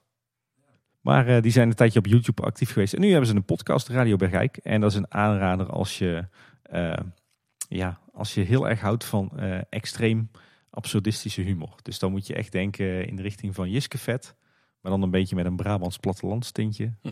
Dus het zal misschien niet iedereen bekoren. Maar ik vind, eh, dat is wel mijn soort humor. Maar eh, ja, ik weet niet hoe het met jou zit. Maar mijn meest beluisterde, of althans mijn meest favoriete podcast van het moment is toch wel eh, Trust Nobody. ja, die is goed hè. Ik moet zeggen dat ik meer naar de afleveringen van Trust Nobody uitkijk dan de afleveringen van Wie is de Mol zelf. Ik, ik, kijk, ik, ik betrapte me erop afgelopen weekend dat ik Wie is de Mol zelf gewoon vooral aan het kijken was, zodat ik dan Trust Nobody kon volgen. En ik, eh, dat is bij mij misschien niet zo. Bij mij is het wel zo dat eh, zeg maar de, de eerste podcast die ik eh, aan het begin van de week wil luisteren, heeft niks met pretparken te maken. Want dat is dus Trust Nobody. En nog twee weekjes, dan hoef je niet meer te kiezen tussen eh, Trust Nobody of Kleine Boodschap. Ja. Dan gaan ze wel de Mol in België weer volgen. Ja, maar daar kijk ik niet. Dus dan Oh, haak de ik Tim af. jongen, je weet echt niet wat je mist. Ik Dat heb is- geen tijd, Paul. Je kijkt wel Wie is de Mol iedere week. Ja. Dat duurt net zo lang hè, in België. Ja, het duurt iets langer trouwens. 10 minuten of zo. Ja, misschien toch het chauvinistische in me. Nee, dat is echt goede handel, jongen. Echt waar. Ja. Binnenkort willen we nog een keer een eh, lange aflevering met reacties van luisteraars maken. We hebben echt een hoop toffe reacties gehad en we hebben daar ook weer leuke vragen uit kunnen halen. Ja. Eh, maar we hebben even één mailtje dat willen we behandelen vandaag al. hè? Ja, klopt. We hebben een mailtje gehad van Fenna van Dam en die had eigenlijk twee vragen. De eerste, die, eh, daar kunnen we denk ik heel kort over zijn. Kun je fish en chips krijgen in de Efteling? Ja, bij de Meermin in Ruigrijk kan je vis en chips krijgen. En volgens mij ook in de verblijfsaccommodaties. Ja, vroeger in Bosrijk. Ik weet niet zeker dat het nou nog Ja, steeds zo volgens is. mij wel. Ja? Ja. Dus sowieso in het park en eh, waarschijnlijk ook daarbuiten. Eh, toen kwam er een heel verhaal in een mailtje over eh, dat ze inmiddels helemaal gek is van pretparken in Scandinavië. Hey. Daar hebben we nog iemand die Ja, daar wel precies. last van heeft. En ik ben, vind het zelf ook wel prima parkjes. Ehm, dat ze vooral in uh, Kolmorde, Kolmorde, Kolm- Kolmorden. Kol, welke moorden? Ja, die dus. En ook een bezoekje wat ze heeft gebracht aan Groenalund. Eh daardoor is ze verslaafd geraakt aan die parken daar. En nou wil ze dus heel erg graag haar beste vriend zover krijgen om naar Liseberg te gaan. En ze heeft er nu een beetje nieuwsgierig gekregen door te vertellen dat eh Liseberg de Efteling van Zweden is qua sfeerbeleving. Dus ze vraagt, Tim, kom maar door met je bananen. ja, waarmee ze natuurlijk naar de Lisebeest-banaan eh, verwijst, denk ik zo. Daar ga ik wel vanuit, ja. Ja, Fenna, of althans beste vriend van Fenna. Ja, waarom moet je naar Liseberg? Nou, wat mij betreft is dat een van de mooiste attractie- of themaparken van Europa. Eh, is inderdaad, daar ben ik helemaal met Fenna eens, eh, de Zweedse variant van de Efteling. Een heel groen park. Het, het, is eigenlijk een, een beetje een tweeledig park. Aan de ene kant is het eh, echt zo'n typisch stadspretpark eh, zoals je die eh, veel op de wereld vindt, vooral in Scandinavië. Dus met mooie oude gebouwtjes, met een rijke historie, met heel veel entertainment, met ook heel veel shows. en met van die gekkigheidjes zoals een danspodium voor de lokale mensen en een marktje en dat soort dingen. Maar aan de andere kant is het ook wel echt een volwaardig pretpark met ontzettend veel toffe achtbanen en andere attracties. Eh, mooie gebouwen, lekker groen eh, en er hangt een hele relaxe sfeer. Ligt vooral aan de Zwedo's, eh, wat een, een heel relaxed volkje is. Dus er hangt er een hele toffe sfeer. Dus ja, het is echt, echt wel, het staat wat mij betreft qua sfeer echt wel heel dicht bij de Efteling. Is ook een van mijn top 5 parken. En sowieso leuk te combineren met een bezoek aan Göteborg, wat een, ook een prachtige stad is waar heel veel te doen is. En als je daar meer over wilt weten, dan moet je naar aflevering 1 van de buitenwereld luisteren. Zweedoos. Ik dacht dat ze vooral in Finland veel zweetdozen hadden. Goed. Ik ben ook in Liseberg geweest en ik vind dat ook een heel eh, tof park. Eh, als wij weer een keer in die hoek komen, dan ga ik er zeker nog een keer heen. En een groot voordeel, je kunt er met je Efteling abonnement, mocht je die in hebben, dus gratis naar binnen. Ja. En, eh, En dan krijg je ook zo'n bandje hè, dat je onbeperkt overal in kan. ja, en onze ervaring is dat je dan zelfs iets voor openingstijd al naar binnen kunt. Ja. Dus ik weet niet of dat per ongeluk was, dat het toeval was dat die, die dag dat wij er waren, maar dat zou moeten kunnen. Ehm, ze stelde ook nog de vraag dat ze hoorden dat er in de toekomst een rechtstreekse trein gaat komen die vanaf Nederland naar Scandinavië gaat rijden. Ja, er zijn plannen voor een rechtstreekse trein vanuit Nederland naar eh, Kopenhagen in Denemarken. Je kunt daar nu al met de trein komen, maar dan moet je geloof ik vijf keer overstappen en dan ben je 24 uur bezig. Zo. Eh, dus, dus daar zijn ze wel naar aan het kijken om er een rechtstreekse trein van te maken. Ehm, vervolgens kan je vanuit, Ko- vanuit Kopenhagen ook wel weer eh, makkelijk de trein pakken richting eh, Zweden. Kom je natuurlijk eerst aan in Malmö, aan de, de overkant van de bridge. En daar kan je dan weer doorreizen richting Göteborg. Maar met de huidige verbindingen en planningen ben je dan zo lang bezig dat ik denk dat je toch beter kan vliegen. Dat denk ik ook. En zo duur is het eigenlijk niet. Hè? Nee. Maar voor 100 euro of 100 dan kun je in de buurt al ergens eh, landen. Ja. Eh, we hadden het net al over wat verblijfsaccommodaties. We hebben ook nog twee voice clips gehad over verblijfsaccommodaties. Ja. Eh, we kregen er eentje van eh Philip en Rebecca. Ja, we kunnen wel bijna zeggen onze Philip en Rebecca. Hè? Want Philip heeft natuurlijk al een paar keer meegewerkt aan afleveringen van Kleine Boodschap. En Rebecca binnenkort ook. Die heeft, Spoiler. ja, die heeft inmiddels meegeholpen. En daarom moesten ze ergens verblijven in de buurt. En uiteindelijk kwamen ze bij het Loonse Land uit. En die hebben hun eh, ervaringen vastgelegd in een voice clipje. Komt ie aan. Hallo, Rebecca hier en naast mij zit eh Filip. Hoi. Wij zijn nu in eh, ons appartement in Hotel eh, Het Loonse Land bij de Efteling. Yes. En ehm, een jaar geleden waren wij, waren wij in Bosrijk en nu zijn we in het Loonse Land. En we dachten Ja. even een kort verslagje van ons bezoek hier. En 2,5 jaar geleden waren we in het Efteling Hotel, maar toen hebben we niks Ja. opgenomen. Want ik weet niet of Kleine Boodschap toen überhaupt bestond eigenlijk. Nou, dat weet ik ook niet. Maar hierbij hebben we de verblijfsaccommodatie van de Efteling Bingo eh, volgemaakt. Ja, ja, precies. En eh, dit is ook wel een hele bijzondere, want we zitten nu in een hotelkamer en dat is een eh, vijfpersoonskamer. We zijn met z'n tweeën. Maar dit was Ja. een last minute die we konden boeken. En het is eigenlijk heel leuk om te zien hoe zo'n kamer eruit ziet. Want je hebt, eh, waar Filip eh, erg blij van werd, een, een stapelbed of een hoogslaper. Ja, je hebt een hoogslaper voor twee personen. Die kunnen niet naast elkaar liggen. Die liggen voetje aan voetje of eh, hoofd aan hoofd. Ja, en dan heb je beneden nog twee bedden naast elkaar en nog een los bed. En we hebben uitzicht over het park, of moet ik zeggen over het Loonse Land. Ja, het vakantiepark. Ja, en aan de andere kant zie je de achterkant van, van Fata Morgana. En je ziet, of nou ja, eigenlijk hoor je ook af en toe wat gegil van eh, de Python. Ja. Iets verderop.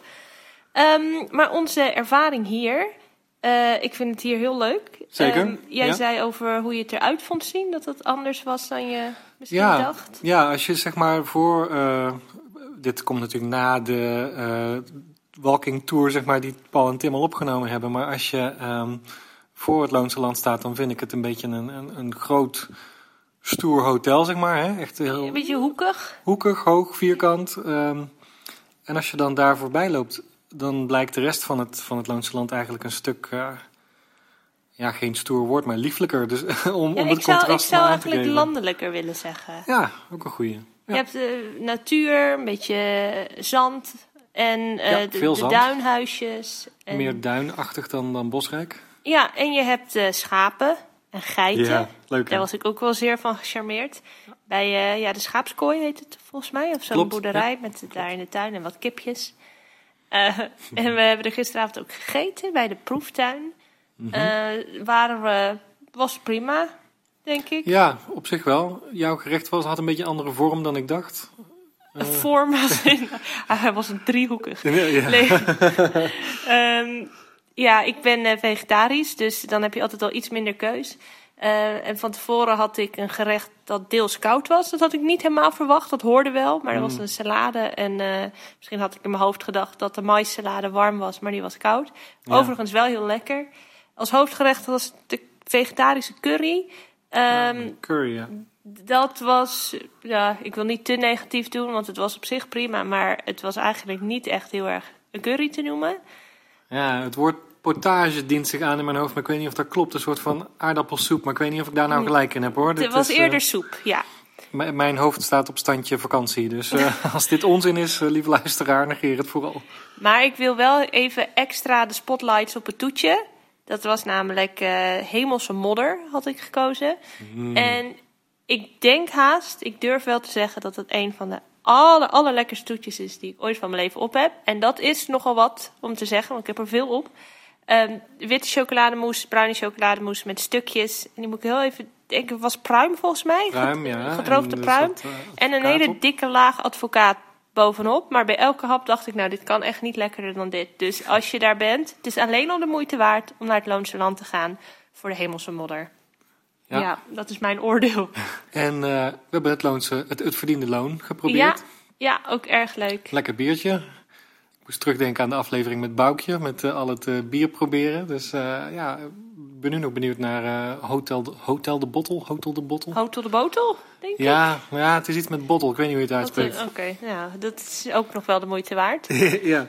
Maar het, ik vind het een heel leuk hotel. Ik vind het heel mooi ingericht. Het is heel, ehm, Ja. ja. eigenlijk hebben ze buiten naar binnen getrokken, vind ik. Want heel veel van de natuur en houtkleuren en groen. En ook hier in de kamer groene gordijnen. Ja. eh, hout tegen de muur. ja, veel groen. Een soort van borduurwerkje hangt aan de muur. Het is niet echt een borduurwerkje, geloof ik. Maar Ja, Ja. het is de look, borduurlook. ja, Maar veel groen, veel hout. En Ja. rustig. Het is ook sowieso op het park rustig.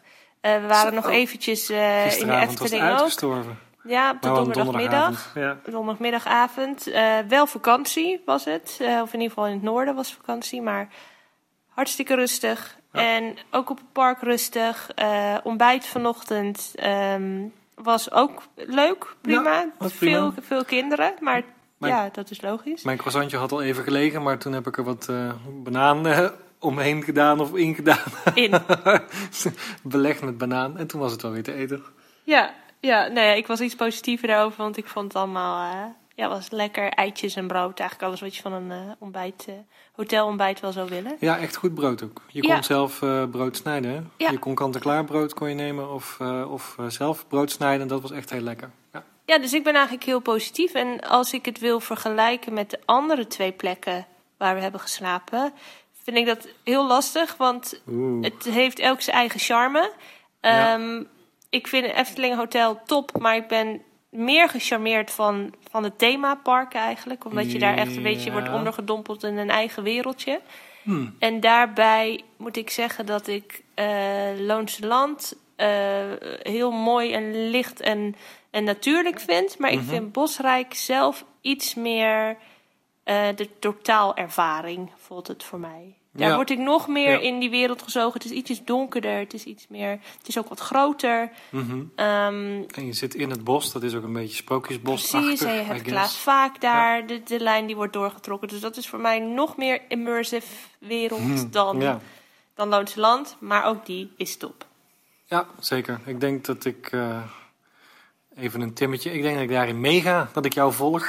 of, is dat, of zegt Paul dat? Wie van de twee zegt dat, eh, jongens? Ik moet beter op gaan letten, hoor ik wel. Ehm, maar qua kamer denk ik dat ik persoonlijk eh, het hotel dan nog net iets leuker vind dan eh, het Loonse Land. Het Efteling Hotel. Ja, ehm, maar dat, dat, dat, had een, dat had een muisje en dat had de rode schoentjes en zo, dus dat was Ja. wel heel tof. Volgende stap is trouwens een suite. Een Ja, gethematiseerde suite in oh, het eh, dat hotel. hebben we nog nooit gedaan. Ja. Ja. Oh, maar dat is wel duur, luisteraars. Ja, nou ja, goed, duur, dat hangt van je referentiekader af, maar dat hebben we expres niet gedaan, want dat was... Het ja, was dat nu iets van... 400, 500 euro per Ja, nacht. en het was nu iets van 200 geloof ik, Ja. omdat we redelijk last minute zaten ook. Ik heb ooit gezien dat er een ronddraaiend rond bed in de droomvluchtkamer is. Of was het de Eh, Fata Morgana Dat was de? Fata Morgana kamer. Maar ik weet niet of die er nog is sinds de verbouwing. Nou, ik weet wel dat het een beetje gezien werd als een soort van eh, eh, kamer voor volwassenen. En dat ze dat een beetje hebben proberen terug te Vond ik nou juist zo leuk Ja. aan. Nee, maar daar, ik zou nog graag een ja. keer in een, of misschien de Vliegende Hollander suite. Dat lijkt me ook wel heel erg leuk. Ravelijn, daar heb ik mijn scriptie over geschreven. Dan zit er een verborgen stukje van de suite. Oh, ja, dan nemen we ook een eigen suite. Ja. nou, dames en heren, de volgende keer dat wij eh, iets Onze opnemen... volgende clip is, eh is elk in onze jaar. eigen suite van het eh, Ja. Efteling Hotel. Ik, eh, ik heb wel zin om het park in te gaan. Zeker, laten we dat doen. Yes. Terug, eh, terug naar de studio. Terug Terug, naar naar een ander stukje Kaatsheuvel. Houdoe Ja, tof, eh, toffe voice clip. Dankjewel, eh, Filip en Rebecca. En leuk om te horen over jullie ervaringen met eh, het Loonsland. En dan vooral de, de hotelkamers en het ontbijt. Eh, klinkt goed. Ik, eh, ja, goed, voor ons eh, is het natuurlijk niet echt zinvol om te gaan overnachten in het Loonsland. Maar eh, soms vind ik dat wel eens jammer. En zeker als ik dit soort enthousiaste verhalen hoor, dan denk ik van ja, had toch maar een excuus om daar eens een nachtje te gaan slapen. Misschien moeten we gewoon een keer gaan ontbijten. Daar. Slapen thuis, daar ontbijten. Ik weet niet of dat mag, of dat kan. Volgens mij niet. We kregen ook nog een voiceclip van Melanie Nieuwenhuizen. Die is namelijk bij een andere plek geweest in de buurt van Efteling... waar je ook eigenlijk best wel prima kunt overnachten Ja. als je naar het park wil gaan. En dat is namelijk Safari Resort de Beekse Bergen. Wij zijn eh, dus ook de carnavalsgekte ontvlucht. En wij zijn met het gezin, eh, vader, moeder en eh, zoontje van zeven, dochtertje van acht, naar het Safari Resort geweest. Afgelopen vrijdag tot en met ehm, afgelopen maandag. Superleuk.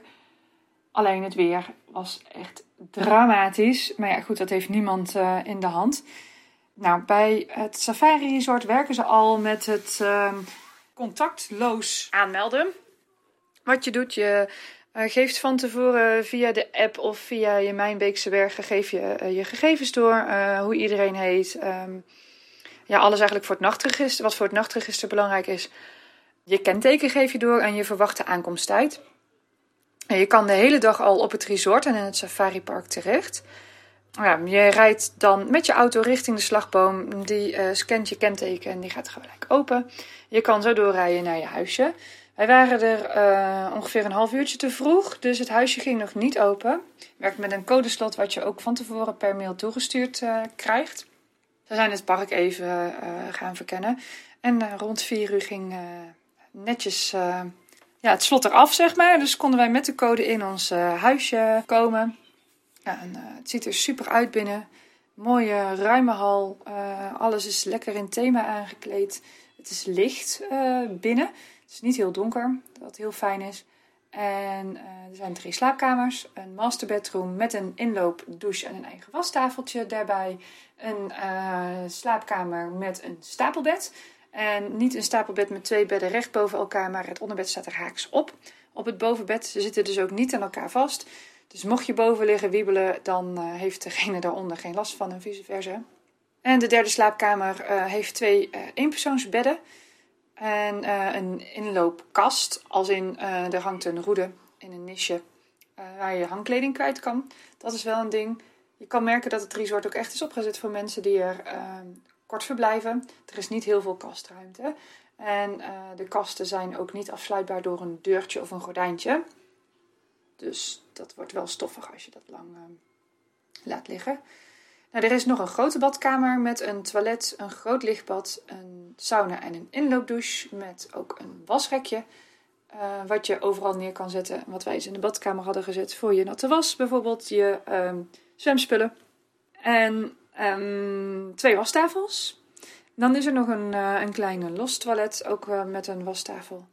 En ehm poetshok, zeg maar. Dan ga je de woonkamer keuken in.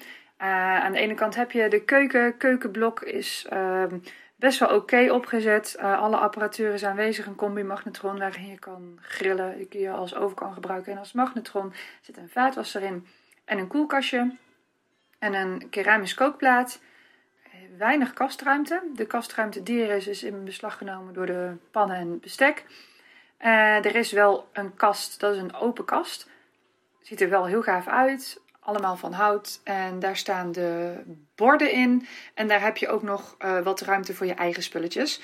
Het past er net. Maar als je echt heel veel meeneemt, eh, ook nog heel veel eh, chips en snoep en zo, ja, dan zul je toch echt eh, even in een tas of zo moeten zetten. Want daar is dan te weinig plek voor. Wij hadden er geen last van. Een mooie, degelijke houten tafel met robuuste stoelen. Ze zaten heel erg lekker. Ook de kinderen vonden het heel fijn. En de woonkamer bevat een hoekbank met een losse stoel en twee krukjes. De bank is ten opzichte van de tv niet heel handig opgesteld. Als je met z'n allen aan de bank zit, dan eh, kun je de tv niet goed zien. Maakt er voor ons ook niet uit, want wij hebben een soort van tv-verbod op vakantie. We hebben alleen zaterdag Wie is de Mol gekeken. Dat ging dan, eh, dat ging dan wel goed. Eh, de achterwand zeg maar, van het huisje, en daardoor staat de bank waarschijnlijk ook zo, is volledig ehm, van glas. Er zitten twee hele grote glazen ramen in en aan het, in het midden eh, openslaande glazen tuindeuren, waardoor je perfect zicht hebt ehm, ja, op of de savanne en in ons geval eh, op de Bahari Beach, waar de zeehondjes eh, rondzwommen. Enige minpuntje is wel dat het gordijn niet echt verduistert als er binnen licht aan is. Kijk, in de zomer zul je daar niet heel veel last van hebben, eh, omdat het dan toch lang licht is buiten. Dus er valt ook wel weer veel licht van buiten door de gordijnen naar binnen. Maar wij konden eh, onze overburen zien zitten. We konden niet zien wat ze deden, maar je kon wel duidelijk mensfiguren herkennen. En of ze in de bank zaten of aan tafel, of ze stonden te koken. Ehm, dus ja, ik heb daar niet zoveel last van gehad. Maar ik kan me voorstellen, als je echt heel erg op je privacy gesteld bent, dan ehm, moet je eigenlijk een huisje zoeken die alleen maar uitkijkt over de savanne. En waar je dus geen overburen hebt. Maar goed, dat was het enige minpuntje wat dat betreft. Dan de rest van het park. Ehm, je hebt één grote, ja, het lijkt wel een beetje op een overdekte shoppingmall. Het heet Caribou Town. Daarin zit het restaurant. eh, een overdekte klim speeltuin. Een zwembadje. En de winkel Annex Guest Shop. De winkel heeft alles wat je eigenlijk nodig hebt voor die paar dagen. En ehm, nou, je het dan toch over het eh, menselijk contact had. Ja, het is daar dus niet heel druk. Dus je kan alsnog wel een praatje maken met de medewerkers. Wat ik ook, eh, ook gedaan heb. En omdat er dus ook geen mensen aan het inchecken zijn, zit die druk er ook niet achter. Waardoor je ook gewoon wel lekker ongedwongen een praatje kan, eh, kan maken met die mensen. En je kan zowel bij die mensen de souvenirs, die er ook zijn, eh, afrekenen als eh, je boterkaas en eieren. En ehm, je kan daar dus ook dingen reserveren, dingen vragen, eh, klachten, tips, suggesties. Het is allemaal in één. En dat vond ik zelf heel fijn. Dus je hoeft niet eerst in de rij te staan om het een af te rekenen en daarna in een andere rij om je vraag te stellen. We hadden ook gebruik gemaakt van de mogelijkheid om broodjes te reserveren. Die reserveer je van tevoren en die betaal je van tevoren. Je hoeft ze dan alleen nog maar op te halen. Je kan er ook voor kiezen om je broodjes bij je lodge te laten bezorgen. Hebben wij geen gebruik van gemaakt. Dit kun je ook doen met je pizza's die je bij het restaurant eh, bestelt. Die kunnen ook bij de lodge eh, gebracht worden door zo'n fietscourier. Het is eh, trouwens een autoluw park. Dus je mag, net als bij de Efteling, je auto alleen gebruiken voor het laden en lossen. En dan weer op de parkeerplaats zetten. Wat dan natuurlijk wel weer opvallend is, is dat er toch wel heel veel auto's ehm, bij de lodges geparkeerd staan. Waarvan ik denk, "Hmm, jullie hebben niet allemaal babytjes of eh, eh, zijn niet allemaal minder valide. Dus dat vind ik dan wel weer een beetje eh, jammer.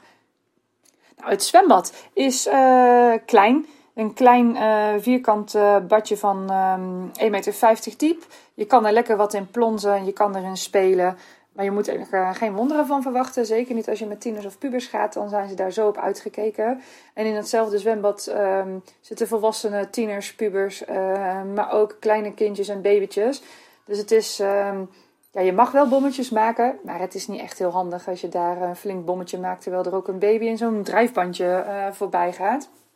Wat wel een pre is, zeker als je kleine kinderen hebt die nog niet kunnen zwemmen, is het ehm, speeltuingedeelte van het zwembad. Er zijn wat sproeiers ehm, waar kinderen mee kunnen spelen en het water stroomt ook meteen weg. Dus je hoeft echt niet bang te zijn ehm, dat ze eh, kunnen verdrinken. En dit is ook afgesloten van de rest van het zwembad door een hek met een grote vergrendelingsbeugel eroverheen. Die grote kinderen en volwassenen wel open kunnen maken, maar die kleintjes niet. Echt een pre. Ja, er zijn voldoende kleedruimtes aanwezig, douches. Nou, eigenlijk alles wat je mag verwachten van zo'n park. Wat ik ook echt een pre vind aan dit, uh, aan dit Safari Resort is dat je een eigen ingang hebt naar het park. Je hoeft geen openbare weg over, uh, je hoeft ook geen medewerkers uh, te zien. Je gaat gewoon met je QR-code, die scan je bij het hek, dan kun je door het hek lopen. en dan ben je zo op de wandelsafari. Dus sta je zo oog in oog met de dieren. Op het Safari Resort hebben ze ook een groot aantal dieren. Giraffen, neushoorns, struisvogels, ja, nog wat kleinere spul. En wij zaten dan bij de zeehondjes, die daar uh, lekker aan het zwemmen en aan het spelen zijn. Um, ik hoop dat jullie er iets aan hebben. Ja, Melanie, dankjewel uh, voor je supermooie voiceclip. Ze heeft trouwens ook een goede, goede podcaststem eigenlijk. Ja, ze is lerares, dus misschien dat ze daarom zo goed kan vertellen. Ja. Nee, tof om te horen. Ik moet zeggen, ik, de, de Beekse Berg is ook wel een thuispark voor mij. Je zou het bijna niet zeggen, maar daar heb ik een abonnement. Dus daar kom ik ook iedere maand wel een keer. En ik ben altijd wel benieuwd geweest naar hoe nou al die ja, hoe dat safari resort is eigenlijk, hoe die verblijven zijn en, uh, en zeker ook die, uh, die algemene ruimte, de, de plaza zeg maar, zoals ze bij Centerpark zouden zeggen. Maar uh, leuk om dat te horen. Ja, en eigenlijk geldt ook voor het safari resort dat ik het ergens wel jammer vind dat we zo dichtbij wonen dat we geen goed excuus hebben om daar een keertje te overnachten. Maar tof om te horen, dankjewel. Ja, dan zijn we aan het einde gekomen van de aflevering, Tim. Ja. Weet je wat ik altijd heel erg tof vind? Als mensen een review achterlaten op iTunes of op Apple Podcast. Ja. En die checken we ook af en toe. En we hebben er weer een paar binnengekregen. We kregen een uh, review van uh, Bart Babos. Die namen hier zijn altijd, ik denk dat dat er staat. Ja. Bart Babos. Bart Babos. Bart, Bart Bouw. Ik ken Bart de Boer en Bart Baan. Oh, misschien is het wel uh, Bart de Boer. Bart Bouw. Ik heb geen idee. Dus met die nicknames. Hè. Ik kijk er elke maandag naar uit om jullie te luisteren. Ga ze door met vriendelijke groet. Bart. Hij in ieder geval Bart. We kregen ook nog een review van Dylan Noord. Ik denk dat het Dylan van Noord is. Die heb ik wel eens vaker ja, langs dat vaker bij ons langs, ja. Een geweldige podcast om op de hoogte te blijven van alles wat er in en om de wereld van de Efteling gebeurt. Super prettig om je week mee te beginnen. Nou, dankjewel heren. Ja, tof. En wil je zelf een reviewtje achterlaten, dat kan dus bij Apple Podcasts of op uh, iTunes. En dan ja. uh, zien we hem langskomen. Ja, en als je ons wil bereiken op andere manieren, dan is de makkelijkste manier is natuurlijk Twitter. Daar zijn we Edka Boodschap. Ja, daar zijn we lekker actief, zowel uh, openbaar als via de DM. en verder kan je ons vinden via Facebook en Instagram als Kleine Boodschap. We hebben natuurlijk de website kleineboodschap.com. Wat misschien wel goed is om een keer te, nog te noemen, want we hebben het wel eens over de show notes. Maar waar vind je die show notes nou, Tim? Ja, dat is wel uh, leuk. Zeker nu we weten dat 80% uh, Kleine Boodschap luistert via een podcast app. kijk ook eens inderdaad op kleineboodschap.com. dan kun je klikken op het kopje afleveringen. En dan krijg je een lijstje met al onze afleveringen. En iedere keer onder de aflevering vind je onze show notes. En daar linken we door naar alle filmpjes uh, en, en alle krantenartikelen. Of, uh, nou, de bronnen. ja, precies. Ja. Eigenlijk alles wat we bespreken in onze afleveringen, daar kun je daar meer over lezen. Dus uh, misschien is dat wel eens een bezoekje waard. En als je dan toch op de website bent en je wil iets aan ons laten weten, dan kun je rechtsboven het knopje naar het contactformulier vinden. Of je tikt gewoon in je e-mailprogramma info.kleineboodschap.com in en dan komt er ook een mailtje bij ons uit. Ja, inderdaad. En als je wilt doneren, dan kan je geld beter gewoon in je zak houden. Ja, dat kan helemaal niet. Of een mooi gebakje in Efteling kopen of zo. Precies. Bedankt voor het luisteren. Tot de volgende keer. En houdoe. Houdoe waar. Hoeveelste was je nou geworden, Paul?